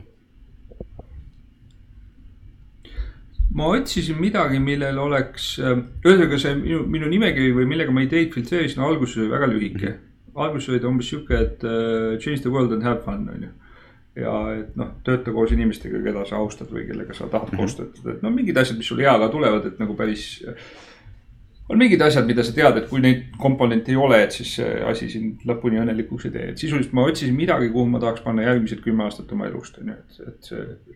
kui, kui, kui ei õnnestu, siis läheb ta ilmselt lõh, enne lõhki ja kui õnnestub, siis see nõuab nagu kümneaastast commitment'i. et, et selle, selle vaatega ma läksin sisse siis iga kohtumine, kas siis välisinimesega või iga sihuke mõttehetk nagu, et ise mingeid teemasid läbi vaadata ja uurida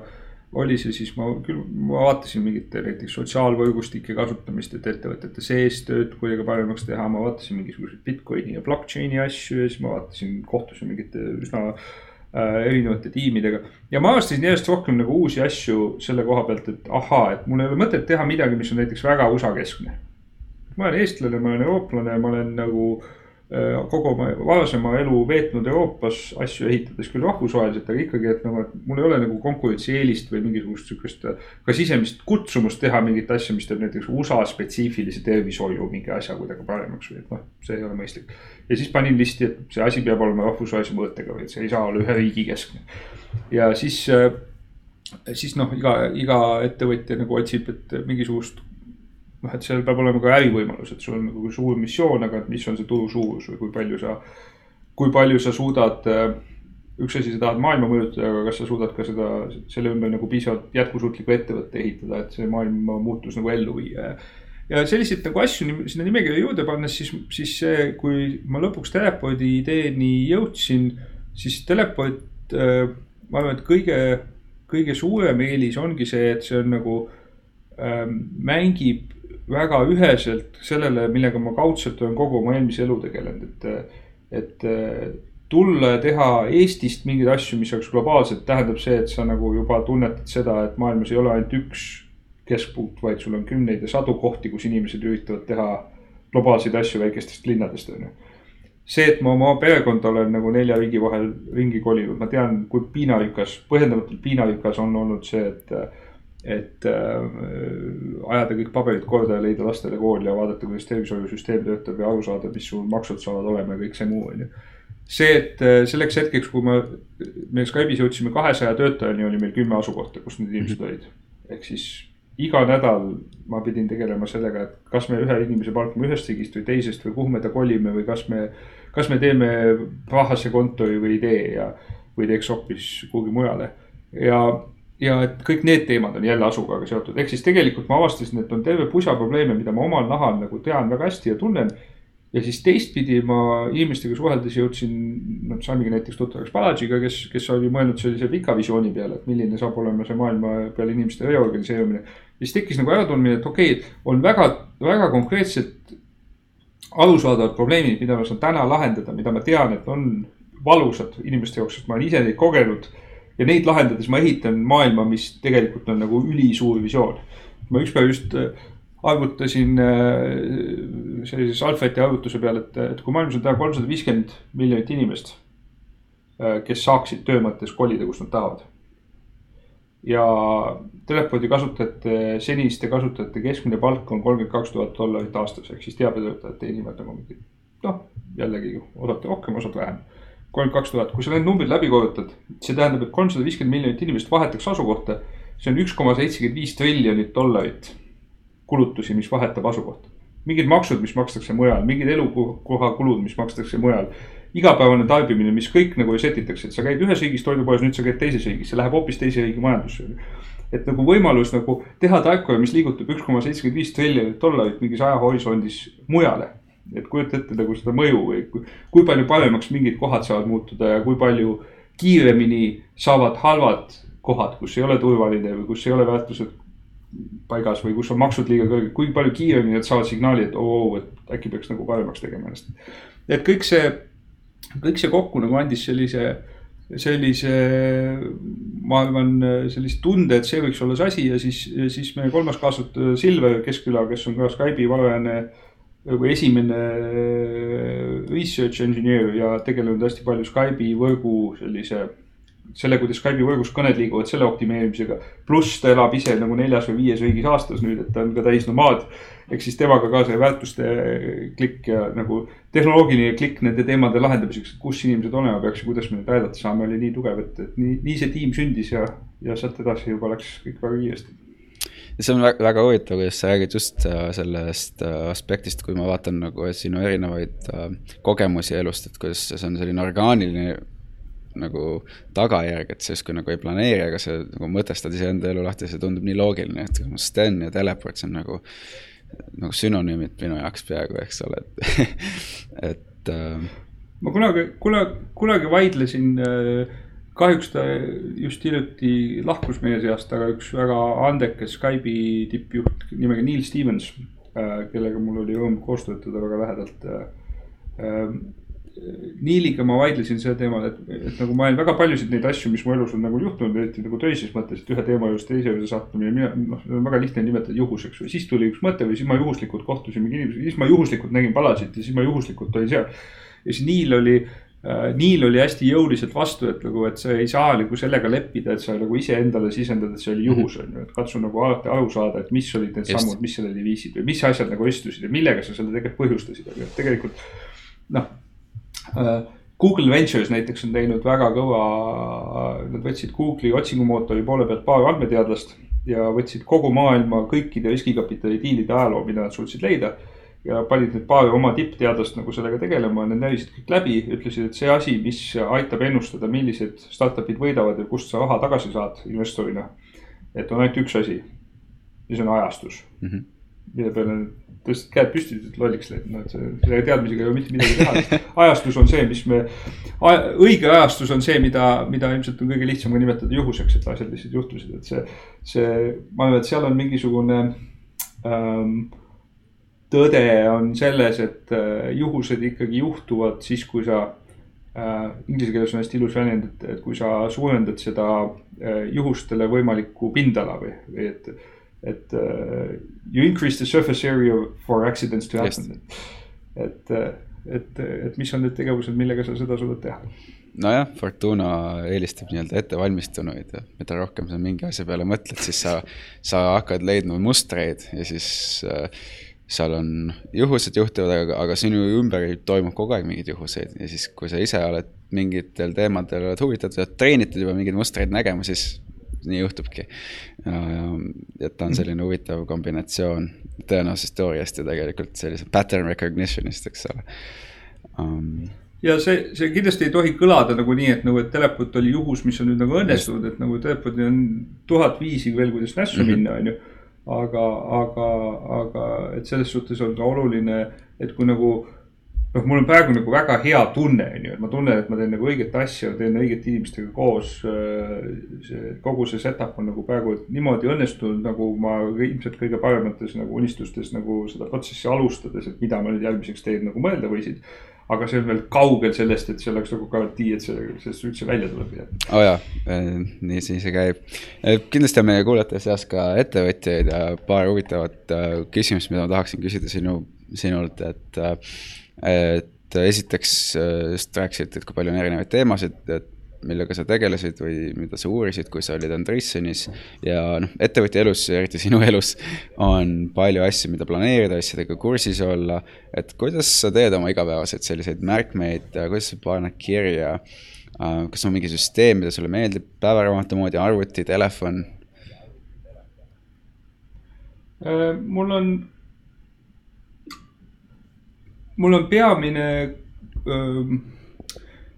jah, ütleme see, see nüüd on, kui, kui sa üksi, kui ma üksi tegutsen, siis ma kasutan lihtsalt Evernote'i ja panen asjad kirja ja katsun, ma olen ähm, üsna selline.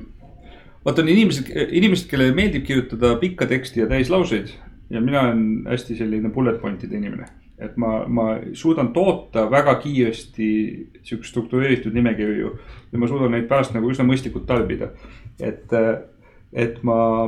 seda olen teinud palju ja näiteks ma, ma mingil hetkel ka publitseerisin kõik oma Stanfordi aasta nagu sellised märkmed, sellepärast et need olid mul juba olemas ja ma mõtlesin, et äkki on kellelgi teisel ka neist kasu, et. et selles suhtes on, on see naljakas, kui need nagu märkmed sul juba Evernote'is olemas on, siis need panna internetti avalikuks, et sageli seal ei ole enam vahet, aga äkki mul on hiljem kirjutanud mitmedki inimesed, kes on Stanfordi minnes, et nad näiteks töötasid selle materjali hoolega läbi, enne kui kooliaasta hakkas, mis on väga naljakas, et täiesti võõrad inimesed. Ähm, nüüd, kui ma töötan jälle rohkem koos tiimiga siis dokumenteeruvad paljud need asjad kuskil chat ides või, või, või, või on mingi Google Doc, kus need asjad tekivad, et. eks ma mõnikord olengi avastanud ennast selle, et mul on see intuitsioon on see, et mul on näiteks kõne kellegagi ja siis mul on kohe Evernote lahti ja mul on seal mingi bullet point'id list, mis. mis sisaldab selliseid enda jaoks olulisi märksõnu. ja siis ma pärast ohkan ja kirjutan nagu mõned asjad natuke pikemaks ja natuke rohkem lahti ja panen selle tiimi chat'i, seepärast ma saan aru, et oleks nagu rumal, kui ma hoian seda andme, noh neid märkmeid ainult enda käes. et, et see, see on selline äh, minu arust üks, üks asi, mis äh, kui, kui on inimesed, kes räägivad sellest, et neile meeldib paberil märkmeid teha, on ju, et ma, ma saan aru, et sihuke käeline kirjutamine näiteks aitab võib-olla mingeid mõtteid nagu kinnistada ja seal on mingeid psühholoogilisi nagu asju, aga minu jaoks täna ikkagi kaalub äh, märkmete tegemisel, ma mõtlen kogu aeg auditooriumile, et et ikkagi väga harva on need märkmed, mida ma ise tegelikult vajan või ainult ise hiljem tarbin, et ma ikkagi pean need kellelegi edastama Just. või tiim peab teadma seda. et see, see on minu arust muutnud sellist, ma ei tea, romantilist äh,. Puškin kirjutab Hannes Ulega kuhugi paberile sahtlisse luuletuse, et selliseid märkmeid ei ole nagu välisüle vaja. jah um,, nüüd kui sa mõtled oma selle, selle ettevõtluskarjääri peale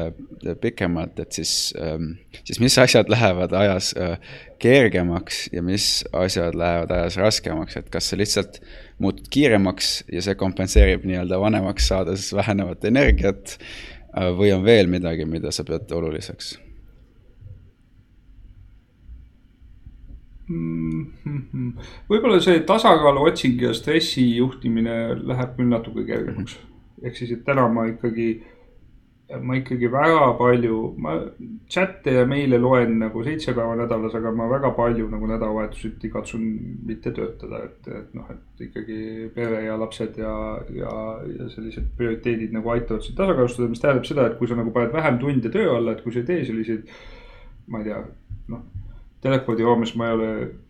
kordagi kontoris ööbid ja ilmselt ei plaani ka ja oma esimeses ettevõttes juhtus seda küll, on ju. et noh, et kui sa nagu minimeerid või vähendad nende, nende tundide arvu, mis sa nagu pühendad tööle, siis võib-olla sa oskad seda aega paremini planeerida ja teha seda intensiivsemalt.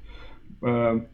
ma ilmselt, milles ma kunagi, ükski inimene ilmselt ei ole väga rahul, et äh, ei ütlemises, aga ma tunnen küll, et nagu aastatega see on mul lihtsamaks läinud, et ma suudan nagu äh, nagu natuke paremini fokusseerida ja otsustada, et mis asju ma teen, mida ma ei tee ja siis öelda mingitele asjadele ei ja katsun teha seda nagu aupaklikult nagu küsija suhtes, aga, aga lihtsalt kõike ei jõua, on ju. ja, ja noh, et sellised asjad lähevad lihtsamaks, mingid asjad, mis ei lähe kindlasti lihtsamaks, on näiteks äh, äh inimeste vallandamine et äh, seda nüüd telepordi tiimis siiani äh, ei ole õnneks vaja läinud äh,. Ma tean, et iga organisatsiooni kasvades alati kuskil tuleb äh,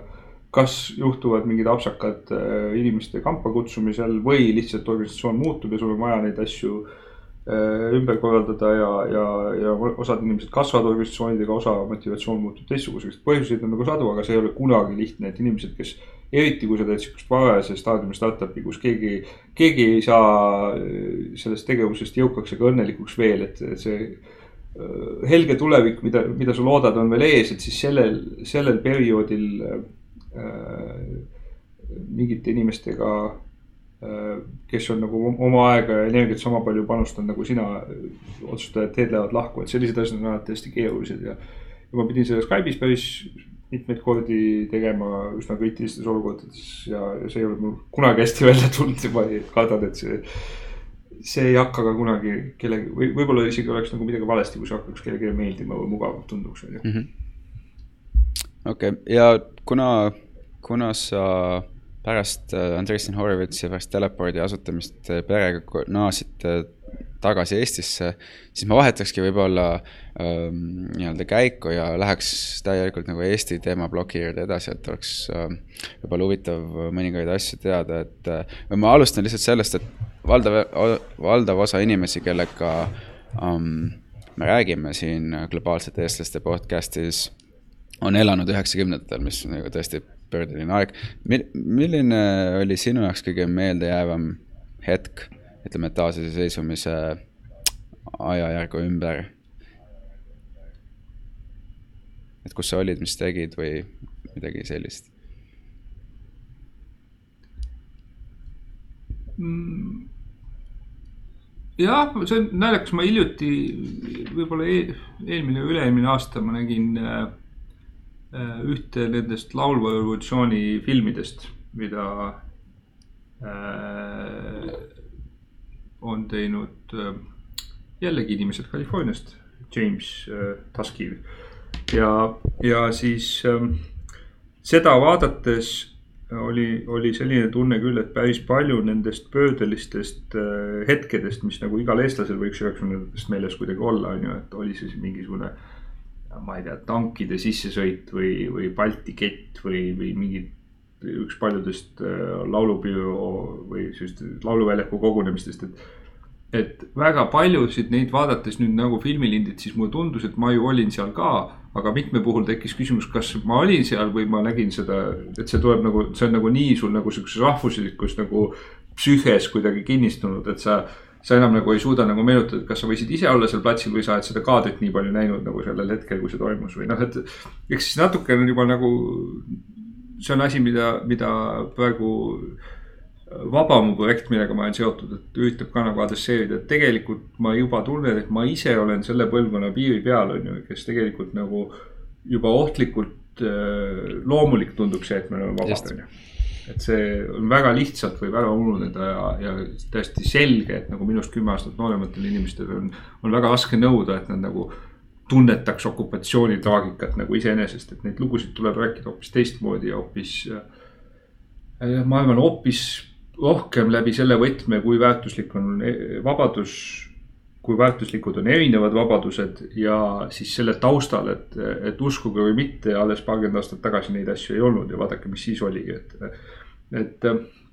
et ma ise tunnen, et ma olen, olen natukene sellise ajaloolise nihke või, või trepiastme nagu peal, on ju, et, et natuke mäletan, aga mitte palju. ja kui, kui täna keegi küsib, et kus on Eesti, mismoodi sa vastad väljaspool Eestit? Äh, tavaliselt North Eastern Europe mm. -hmm ja siis, kui selle peale ei ühenda, siis ütlen right down from Finland äh, ma, ma olen näinud seda, kui ütled Eastern Europe, siis see paigutub kuhugi sihuke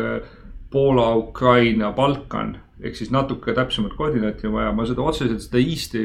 vahest ma võib-olla ütlen ka Northern Europe, aga otseselt seda sõna East nagu ei, ei varja, aga ma olen näinud, et sellega tekib nii palju nagu valesid konnotatsioone või neid, mis minu jaoks ei ole võib-olla Eesti on ju. ja, ja siis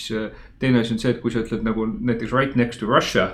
siis selle peale võib tekkida täiendav segadus, et kuna Vene piir on nii pikk, et siis on sul vaja sihukest väikest pidepunkti ja Läti, kes ei tea, kus Eesti on, ei tea, kus Läti on ka. aga, aga Soome või Skandinaavia alati nagu aitab välja. just, mul on täpselt sama kogemus ja tihti, kui küsitakse, et kas eesti keel on nagu vene keel ja siis saad rääkida, siis, siis saab sügavuti minna ja. aga samas ma olen kohtunud ka inimestega, siin San Franciscos oli üks äh, mustanahaline tänavamuusik, kes kuulis, me rääkisime, siis ta ütles, oh, tere hommikust. ja, ja noh, et, et maailm on tegelikult väga kirju ja inimesed on väga erineva, ütleme, silmaringiga, et, et kokkuvõttes ma näen üha rohkem ja rohkem inimesi, kes Eestit teavad tegelikult, kus me oleme see on üks ülisuur efekt, mida ma arvan, et me Eesti sees nagu natukene isegi kirjutasime võib-olla nina, et noh, et kruiisilaevad Tallinnas. Äh, mis, ma ei tea, kui me, Tallinnas on nelisada tuhat inimest, ma ei ole ammu vaadanud, aga ma pakuksin mingi, ma ei tea. miljon, kaks miljonit inimest käivad nagu läbi sadamate nagu tegelikult sees, kui soomlased ka lugeda, et. et siis tegelikult äh, kaheksa aastat tagasi Californias äh, põhilised, kes teadsid Eestist midagi, olid tehnoloogid, kes teadsid Skype'i ja seda tausta Äh,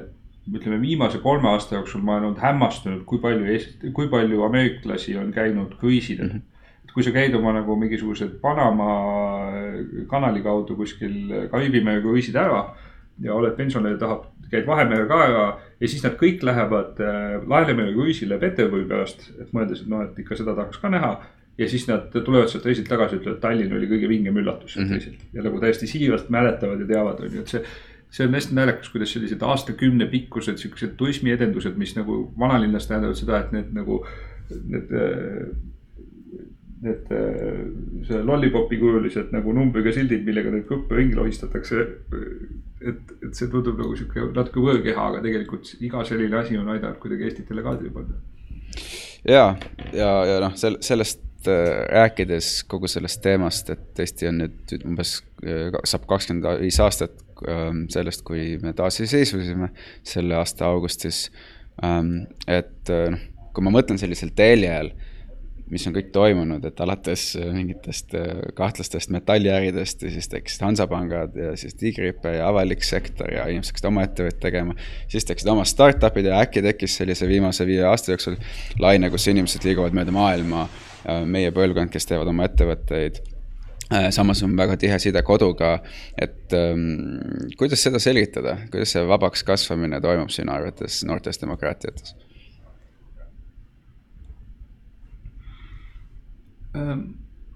See on, äh, migratsiooniteooriates teatakse, on, on nagu sellised tõmbe- ja tõukefaktorid või push and pull -hmm. migration ja noh, osa neist on nagu väga arusaadavad, on nagu sellised äh, noh, negatiivsed tõukefaktorid on see, et kui sul puhkeb sõda või algavad repressioonid, et siis mingid inimesed lahkuvad, et nagu on need paadipõgenikud Rootsi või on need pääsed Süüria põgenikud, et see on nagu push äh, või, või tõuge, mis neid saadab nagu maailma ära, on ju. Äh, ja siis on mingisugused tõmbefaktorid, et, et ma ei tea, tehnoloogid kogunevad Silicon Valley'sse ja moedisainerid kogunevad Pariisi või Londonisse ja ja, ja muusikutel on oma kohad ja oma, oma sellised keskused ja keegi, kes hoolib äh, jaapani keelest äh,, unistab sellest, et ta saaks olla rohkem Tokyos ja nii edasi ähm,. et äh, mulle tundub, et ka need mõlemad on nagu kohal äh, sellise nagu sellise suhtumise mõttes, et kuidas inimesed hakkavad mõtlema ja hakkavad välja liikuma, et üks asi on see, et sul nagu lihtsalt piirid avanevad esimese asjana, et see on see. üheksakümnendate alguse eestlaste õhi, õhin, et leida endale Soome sõber, kellel külas käia, on ju. et sihuke äh, kõik naljad kilekottidest ja värvilisest traadist on ju, et see on, see on nagu üks, kus nagu see jah, et see ahvatlus, mis telekast äh, põhjaeestlastele paistab, et see nagu tõmbab sind välja ja samal ajal on sul nagu äh, äh, nagu võetud äh, mingisugused need äh, piirid maha äh,. äh see, et sul ei ole väljasõiduviisat enam vaja, on ju äh, siis sealt edasi tegelikult ma arvan, et Eesti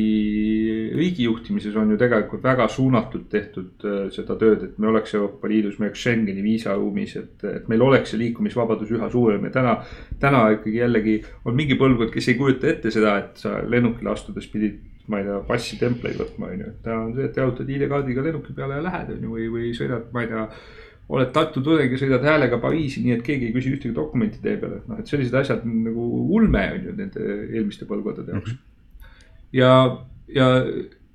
et see, see on nagu see, et ühest küljest väline maailm tõmbab ja noh, neid tõmbeid võib olla veel, et nagu üha rohkem Eesti tudengeid ilmselt tahaks, et osalt nende haridus oleks väljas, et nad käivad mingite vahetusprogrammidega või astuvadki kohe ähm, nagu välisülikooli selleks, et saada oma hariduskogemus väljast ja siis jälle tagasi tulla või, või, või noh, et sellised asjad. ja siis on, huvitavaks läheb see, et kus kohas võiks teha nagu ebaintuitiivseid liigutusi, et neid inimesi välja tõugata. et selle näited, ehk siis sul on nagu tõukefaktorid aga millel on väga positiivne tagamõte, et sa ei, ära põgene millegi eest, aga, aga su oma riik tõukab sind välja, et see on nagu see asi, mida näiteks Singapur on teinud ülisüstemaatiliselt, et. ka minu Stanfordi kursusel kõige suurem äh, rahvusgrupp olid Singapuri riigiametnikud. meil oli vist seitse või kaheksa tüüpi, kes olid saadetud väga ilusat karjääri teinud riigiametnikud, kelle kolleegid, osad olid läinud Harvardisse, osad MIT-sse ja nemad olid tulnud Stanfordisse. ja lähevad jälle tagasi ja see riigi juhtimisel on nii palju nagu tippülikoolide nagu potentsiaali kogu aeg taga et täpselt samamoodi äh, noore teadlase või noore õpetlase stipendium, mida, mida Eestis on teinud eraettevõtjad äh, nüüd juba mingi kaksteist aastat. Äh, Taavet Hindrikus ja Tõnu Pekk ja Kristo Käärmann kunagi selle lükkasid käima. ja seal on kümneid inimesi veel, kes on rahastanud, et minge, me anname teile stipendiumi, minge Eestist minema, minge õppige kuskil väljas minu enda isa ja vanaisa mälestuseks tehtud Tammkivi äh, reaalteaduste fond, kus meil üks kriteerium stipendiumide jagamisel on see, et kui su tegevusel on rahvusvaheline mõõde. et kui sa lähed, õpid välismaal või töötad uurimisrühmas välismaal, et siis magistri või doktoriprogrammis, et see äh, annab nagu sulle plusspunkte, et saada stipendium. ja see ühest küljest on see nagu ebaintuitiivne, et miks peaks saatma inimesi minema, aga teisest küljest äh, äh, Tõnu on seda väga ilusti öelnud, et kui äh, kui see eestlane, kes õpib välismaal, tunneb, et tema riik ja tema kaasmaalased, mingid tema maa ettevõtjad toetasid temale, et ta saab siin olla. ja see tegelikult äh, ehitab tugevama sideme ja, ja paneb ta võib-olla nagu palju rohkem mõtlema selle peale, kuidas ta tagasi saab anda ja kuidas ta tagasi saab tulla, kas füüsiliselt või mõtteliselt, on ju. et, äh, et selline äh, noorte ja andekate maailma saatmine võib olla sihuke süstemaatiline asi, kus me lihtsalt tõukame neid ka välja lihtsalt lootes, et tugeva seose ja, ja teatava tänu ja auõlaga nad panustavad siia riiki tagasi hiljem ka mm. -hmm. ja, ja sellel teemal noh, ka jätkates, et kui, kui, kui äh, vaadata seda rahvusvahelist mõõdet, kus eestlased ringi liiguvad, et äh, äh, ühelt poolt eestlased on väga ausad ja otsekohesed, kuid vahel äh, tundub ja eriti sa näed seda siis, kui inimesed tulevad külla, mida siin äh, Silicon Valley'st juhtub päris tihti. et sa näed, et äh, oleme natuke sotsiaalselt võib-olla kohmakad äh,, natuke tahumatud või ütleme, mitte piisavalt tundlikud teiste inimeste suhtes, et on nagu meie ja, ja nii edasi. et kui te, kui sa ise alustasid näiteks Cupertinos üheksakümne nelja aastal, et mis olid sellised esimesed asjad, mis silma jäid? et mis on sellised lihtsad asjad, mida saab igaüks teha, et äh,, et oleks äh, selline suhtlemine nagu ladusam ja siis vastu, teistpidi samamoodi nagu Eestis olles, et mida siis lihtsad asjad teha, et näiteks noh, turistidel oleks siin Eestis hea ja, ja nad tuleksid tagasi.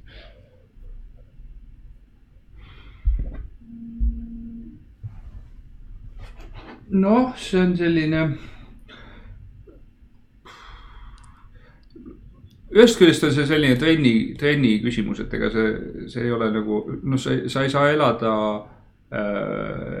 Jõgeval ja mitte kunagi näha ühtegi välismaalast ja siis kuidagi nagu teoreetiliselt äh, harjutada nagu suhtlemist teiste kultuuridega on ju, et see ongi see, mille pärast on vaja Eestit avada rohkem, et, et meil käiks rohkem tarku ja toredaid inimesi Eestis. ja selleks, miks on vaja, et meie noored inimesed käiksid nagu Eestist väljas on ju, et, et ega selle kaudu need kogemused tekivad. üks kogemus, mis selle kaudu tekib, on selgelt see, et sa ei saa nagu eeldada, et teine teine arvab või mõtleb või tunneb samamoodi nagu sina või et tal on nagu sama informatsioon nagu sul. ja, ja, ja siis, kui nagu õpid seda tunnetama, et teised tulevad teise tausta pealt, siis see õpetab sind võib-olla enne fakt-, enne väitmist hoopis küsima või noh, sellised lihtsad nagu igapäevasuhtlustehnikad, et sa sa, kui sulle tundub, et kuskil on konflikti koht, et siis sa sondeerid selle ümber küsimustega, kuni sa aru saad, kas on või ei ole, on ju, et enne kui sa paned lauale selle, et kuule, sa oled loll, on ju. et, et mis võib olla asi, mida nii mõnigi Eesti ähm,, ütleme puhtalt Eesti kollektiiv võib, võib hinnata, et vaat, kus ausalt ütles, on ju. aga, aga tegelikult see näiline ausus ei vii mitte kuidagi mingisuguse ühise ega sinu enda egoistliku eesmärgini lähemale, et et selline oskus kuulata, oskus küsida, oskus mitte lasta ennast uinutada sellele, et sa arvad, et mingi asi on kuidagi, vaid et kontrollida eeldusi, et kõik, kõik need asjad on, ma arvan, need, mis, mis sihukest kultuuride ülemist, ülest suhtlemist äh, äh, kuidagi käima lükkavad. jah, ja, ja mida sa ise arvad, et noh, näiteks, äh, et lisaks sellele suhtlemisoskusele, mis on, mis on kindlasti treeni küsimus, ma olen sellega nõus. et mida saaksid eestlased võib-olla parandada oma, oma oskustes, et rahvusvahelises konkurentsis võita, et, et meid on vähe, aga me oleme siiamaani olnud päris nagu edukad, aga mida saaks veel teha? Um, võib-olla just mõeldes nagu inimestele, kes sisenevad tööjõuturule praegu ja mõtlevad, et um, kuidas olla nagu Eestis, aga samas olla rahvusvaheliselt konkurentsivõimeline kui ma võrdlen, ma olen käinud keskkoolis Eestis ja, ja siis selle aasta Ameerikas äh, üheksakümnendatel. põhilised vahed, mida ma to tollel hetkel nagu tähele panin või kui ma siis nagu võrdlesin või analüüsisin, oli see, et Eestist tulles mu reaalainete tase oli selgelt nagu. see, see, mis ma olin õpetanud, õppinud Eestis kümnendas klassis, see põhjustas selle, et Ameerika kaheteistkümnenda klassi äh, advanced või honors versioonidest, reaalainete tundidest oli mul ikkagi nagu natuke igav, et ma olin juba neid asju nagu kuulnud ja näinud, on ju, mida, mida seal räägiti. ehk siis sa oled nagu aastaid ees selles ja see maht, matemaatika, füüsika maht Eesti koolist, avalikus koolisüsteemis. et no ma ei imesta, et meil PISA skoorid nii kõrged on ja et noh, et, seal tehakse nagu kõva tööd ja õpetajate tase on hea ja, ja, ja õpitakse palju, on ju um, kus, mis olid minu jaoks täielikud nagu šokid sellel hetkel oli see, et sa teed mingi ülesande ära ja siis sa pead minema klassi ette ja seda tahvli ääres või seletama või sellest tegema mingi visuaalsema esitluse. ja veelgi enam, et äh, kõik tegid sama ülesande, aga nüüd sa pead moodustama kolmese grupi, kes kamba peale selle ära seletab, on ju. ehk siis need kaks asja, et nagu, et mitte ainult lahenduse jõudmine, vaid ka selle selgeks tegemine teistele või presentatsiooni skills, et. ja teistpidi see, et, et sama eesmärgi nimel teistega koos töötamine. Need olid kaks asja, mida nagu minu ajal äh, ma ei mäleta, et Eesti koolisüsteemis oleks kordagi nagu mulle tutvustatud äh,. ja ma ei ole kindel, et me selles osas tänagi nagu väga kaugele jõudnud oleme, et noh, loodetavasti on seis parem ja. ja ootan põnevusega, kuidas mu äh,, kuidas mu enda lapsed nagu seda poolt nagu koolist näevad ja mulle kirjeldavad, aga, aga, aga need on äh, sellised äh, et kui sa nagu mõtled, et kui sa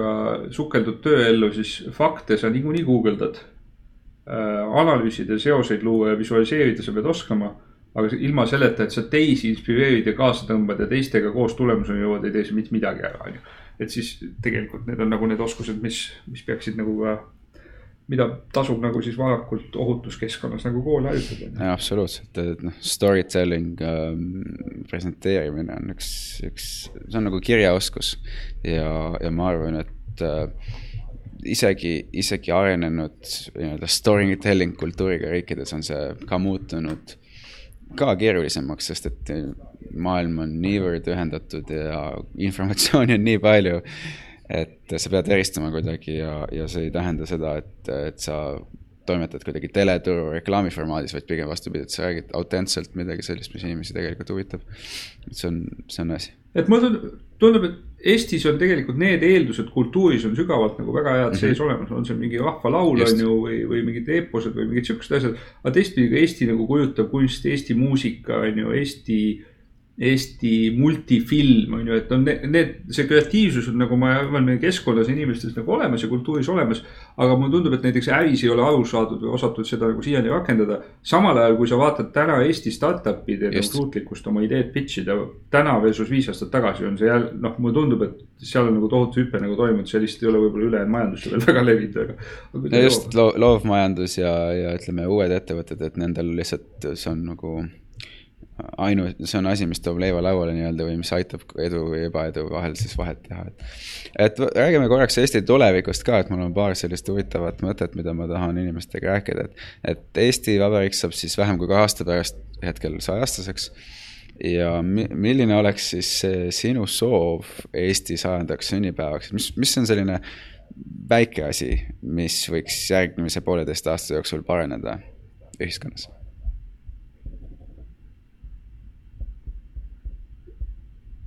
väike asi võiks olla see, et äh, lihtsalt oma näo ja nimega ega anonüümselt mitte öelda teise inimese kohta halvasti. ülilihtne asi, kuna see ei ole mitte see, et tee midagi rohkem või, või kuluta rohkem või maksa rohkem raha, vaid jäta mingi asi tegemata, ehk siis, et selle, seda, selle vastu eksida, see on nagu väga. mul on üha, aasta-aastalt üha raskem aru saada, miks selle vastu üldse eksitakse. see on väga hea, väga hea soov, väike, aga väga tugev soov ja noh, kui veel rohkem tulevikku minna tuleviku ennustamine on selline tänamatu tegevus, siis äh, aga ma küsin ikkagi, et, et kui me mõtleme, et Eesti saab praegu sajaaastaseks, aga kujutame nüüd ette natukene, et on, Eesti saab kahe, kahesaja aastaseks. millisena sa näed Eestit saja aasta pärast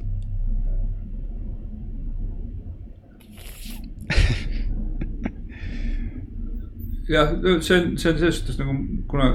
kuna iga tehnoloogiast tegutsev inimene teab, kui tänamatu see ennustamise kunst on, on ju, et siis ma ei taha nagu äh, üldse mõtiskleda selle ümber, et mis võiks olla rahva või sisemajanduse koguprodukt või mingid siuksed asjad, aga ma arvan, et, et sihuke filosoofilisem teema, mis on selle eelduseks, et Eesti on kahesaja aasta pärast, on, on see, et me võiks nagu lahendada ära või leida nagu mingi ühise vastuse kahele küsimusele. üks on see, et kes on eestlane ja mis on selline hõlmav ja avatud ja, ja reaalsust peegeldav viis seda defineerida, et. et ähm, mulle tundub, et täna me kuuleme nagu mingeid katseid seda kuidagi piiridesse suruda või otsida neid vastuseid eilsest päevast on ju, et. et äh, geneetilise verepuhta ja Eestis sündinud eestlase otsingud, et see, see ilmselt meid nüüd kaheaastase aja verstapostini ei vii, on ju. ja teine on väga kandev küsimus on see, et mis väärtust loob Eesti maailmale et äh, Eesti ei saa eksisteerida kahesaja aasta pärast, kui Eesti üritab väärtust luua ainult sellele mikroskoopilisele maatükile ja mikroskoopilisele alamhulgale maailma inimkonnast, ehk siis Eesti on olemas mitte siis, kui miljon inimest seda tahavad, vaid Eesti on olemas siis, kui, kui kaheksa miljardit inimest hoolivad sellest. Või kaheksa, kaheksa miljardit inimest võiks, võiks äh, jääda nagu puudust tundma või nad tunneksid, et nende elust on midagi ära võetud, kui see miljon inimest enam ei ole Eesti, Eesti ja eestlased. ehk siis, et mis on,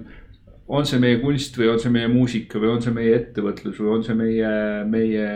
mõttejulgus selles, kuidas riike korraldada või, või oma elu korraldada, on see ähm, jällegi, et küsimus ei ole selles, et kas meil on nelikümmend protsenti metsa ja on seal puhas, vaid kuidas võib-olla Eesti ülejäänud kogu maailma looduse hoidu või, või puhtusesse panustab. ehk siis see, et mis, mismoodi meie olemasolu teeb nagu ülejäänud maailma paremaks ja, ja kui meil on nagu vastused nendele kahele küsimusele olemas, siis võib Eesti olla väga õitsev riik kahesaja aasta pärast jah, äh, olukorras, kus äh, üks mees nimega Elon Musk üritab minna järgneva paari dekaadi jooksul Marsile, võib-olla mitte küll isiklikult, aga saata inimesed ja siis, kui me, kui me räägime kõikide piiride kinnitõmbamisest, siis see on nagu väga korralik selline dissonants ja ja, ja noh, need, need on sellised teemad, mis, mis vajaksid lahti mõtestamist, ma arvan, väga äh, väga tugevalt, et kui ennustada sadat aastat, siis mis kõik võib juhtuda saja aasta jooksul, on, on tõesti ennustamatu täpselt, mis on Eesti maasil New Estonia um, et äh, liigume natuke edasi, et on sellised kiirküsimused, millele ei pea olema kiirvastused, aga vali ise. et äh, oleks huvitav teada, et äh, millised näevad välja esimesed, ütleme kuuskümmend kuni sada kakskümmend minutit sinu päevast, esimesed üks-kaks tundi. mis sa teed, on sul mingi rutiin? kell heliseb kuus nelikümmend siis on mul kakskümmend minutit oma aega, kus ma saan hambad ära pesta, chat'id ja meilid läbi vaadata, kell seitse äratan lapsed. ja siis äh, läbi suure võitluse üritan kell seitse kakskümmend viis või seitse kolmkümmend nendega kodust väljuda. et me läheme koos äh, kooli ja tööle. kaheksa, kümme ma olen umbes kontoris. pärast laste mahapanekut ja, ja auto parkimist. ja siis on mul ähm, Eestis olles on see aeg muutunud rohkem selliseks oma ja veelgi nagu kalendri ja, ja chat'ide ja meilidega tööks. Californias tähendas äh, kuidagi nagu sõltub nagu aja, ajavööndist, kus sa oled, et Californias võib see tähendada potsu nagu eesti kõnesid veel on ju. ja, ja Eestis olles on see võib-olla natuke vabam aeg ja siis California kõned juhtuvad või kümne ajavööndi kõned juhtuvad pigem nagu õhtupoole. ehk siis see on selline äh, ütleme, selline suhteliselt, isegi kui sa küsid esimest tundi kahte, siis see on nagu suhteliselt perekeskne rutiin, kui ei ole mõelda, et see on veel selline nagu päeva käi-, käima tõmbamine, et töö hakkab. töö, selline teiste inimestega suhtlemise töö hakkab tavaliselt pärast esimese pooleteist tunni möödumist või kahe tunni. okei okay., kas sul on mõni selline tegevus või, või kiiks, mis on sinu harjumuste rutiini osa, mida sa tead, et või arvad, et teised inimesed ei tee?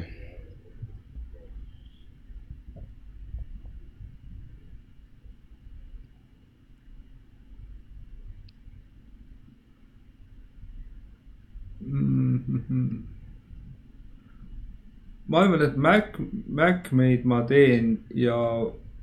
follow-up või sihukese tagasiside email'e, mingeid asju, mida ma üritan, üritan nagu teha. mida ma tean, et väga paljud teevad halvasti, aga ma kindlasti ei ole nendes nagu unikaalne mm, -hmm. ehk siis see, et, et kuidas nagu fikseerida mingisugused asjad, mis juhtusid. Ehm, sellepärast, et kui sa töötad nagu sihukeses pidevas infovoos, näiteks kui ma lähen kuhugi kui ma olen näiteks kaks päeva äh, mingite järjest kohtumistel ja ma ei ole suutnud nagu kirja panna või märku anda teistele, mis nemad tegema peavad või mis nüüd juhtuma peab, siis ma tunnen, et see olukord läheb täiesti kontrolli alt välja. see, et, see, et nagu sa lihtsalt ei suhtle, vaid et sa katsud nagu, nagu igast suhtlusest kinnistada mingisuguse fondi, mis on siis kas tiimiga jagatav info või mingi järgmine kohtumine või järgmine mingi kokkulepe või email tagasi, et me leppisime need kaks asja kokku, et. et see, see rutiin on võib-olla mingi asi, mida ma kõigi kui ma sellest räägin, see kindlasti ei ole unikaalne, aga see on mingisugune asi, mida ma üritan nagu hoida või tekitada, et see muidu ei saa infoga. see ei ole unikaalne, aga see ei ole ka väga levinud selles mõttes, et äh, inimesed äh, peaksid seda paremini tegema küll et äh,, mm. et võib-olla natukene veel sellist äh, pa, paar küsimust veel, siis ma tean, et sa pead juba minema ka ja, et äh, mida sa soovitaksid endale, kui sa kohtuksid oma nii-öelda kolmekümne aastase minaga tagasi vaadates? selle kohta ma olen kirjutanud isegi kirja iseendale, Eestis oli üks raamatuprojekt, kus, kus kirjutati kiri iseendale, et, et ma võib-olla ei ürita seda peast meenutada, seda tuleb osta raamat ja lugeda sealt. Okei Fair enough ja, ja rääkides raamatutest, et kui sa kingid inimestele raamatuid ähm,, ma ei tea, kas sa teed, aga kui sa kingid, siis millist raamatut või raamatuid oled sa kõige enam kinkinud? kuna raamatute kinkimisel ühest küljest sa kinkijana tahaks ju mingit ideed levitada mm, -hmm. Teisest küljest nagu ei ole mõtet kinkida raamatut, mida sa tead, et teine ei loe, ehk siis sa katsud nagu sihtida auditooriumi. siis ma arvan, et selle kõige kõige, kõige parem kombinatsioon on see, et me kinkisime äh, töötajatele esimese aasta täitumisel kõigile kindlid. ehk siis lõpeks see jama ära, et milliseid raamatuid keegi loeb ja milliseid nagu kinkida, ehk siis, et igaüks saab seda ise valida. et see võib-olla jällegi ongi sihuke niisugune võib-olla näide, et nagu, et see konkreetne sisi, sisuühik ei ole nagu oluline, vaid, vaid ligipääs ja tehnoloogia, et, et see leviks, on ju, et ka laiemas mõttes, et inimühiskonnas, et selle asemel, et näiteks saata ma ei tea, Aafrikasse miljon matemaatikaõpikut on ju, et kui sa saadad sinna miljon iPad'i, siis selle mõju on nagu määramatult mhm. suurem mm. -hmm, absoluutselt äh,. ma tahan sind väga tänada, et sa võtsid selle aja rääkida. Ja see on väga huvitav olnud minu jaoks, loodetavasti ka kuulajatele aitäh ja ma ootan väga suure põnevusega järgmist üheksakümne üheksat saadet. jõudu sellesse aitäh sulle.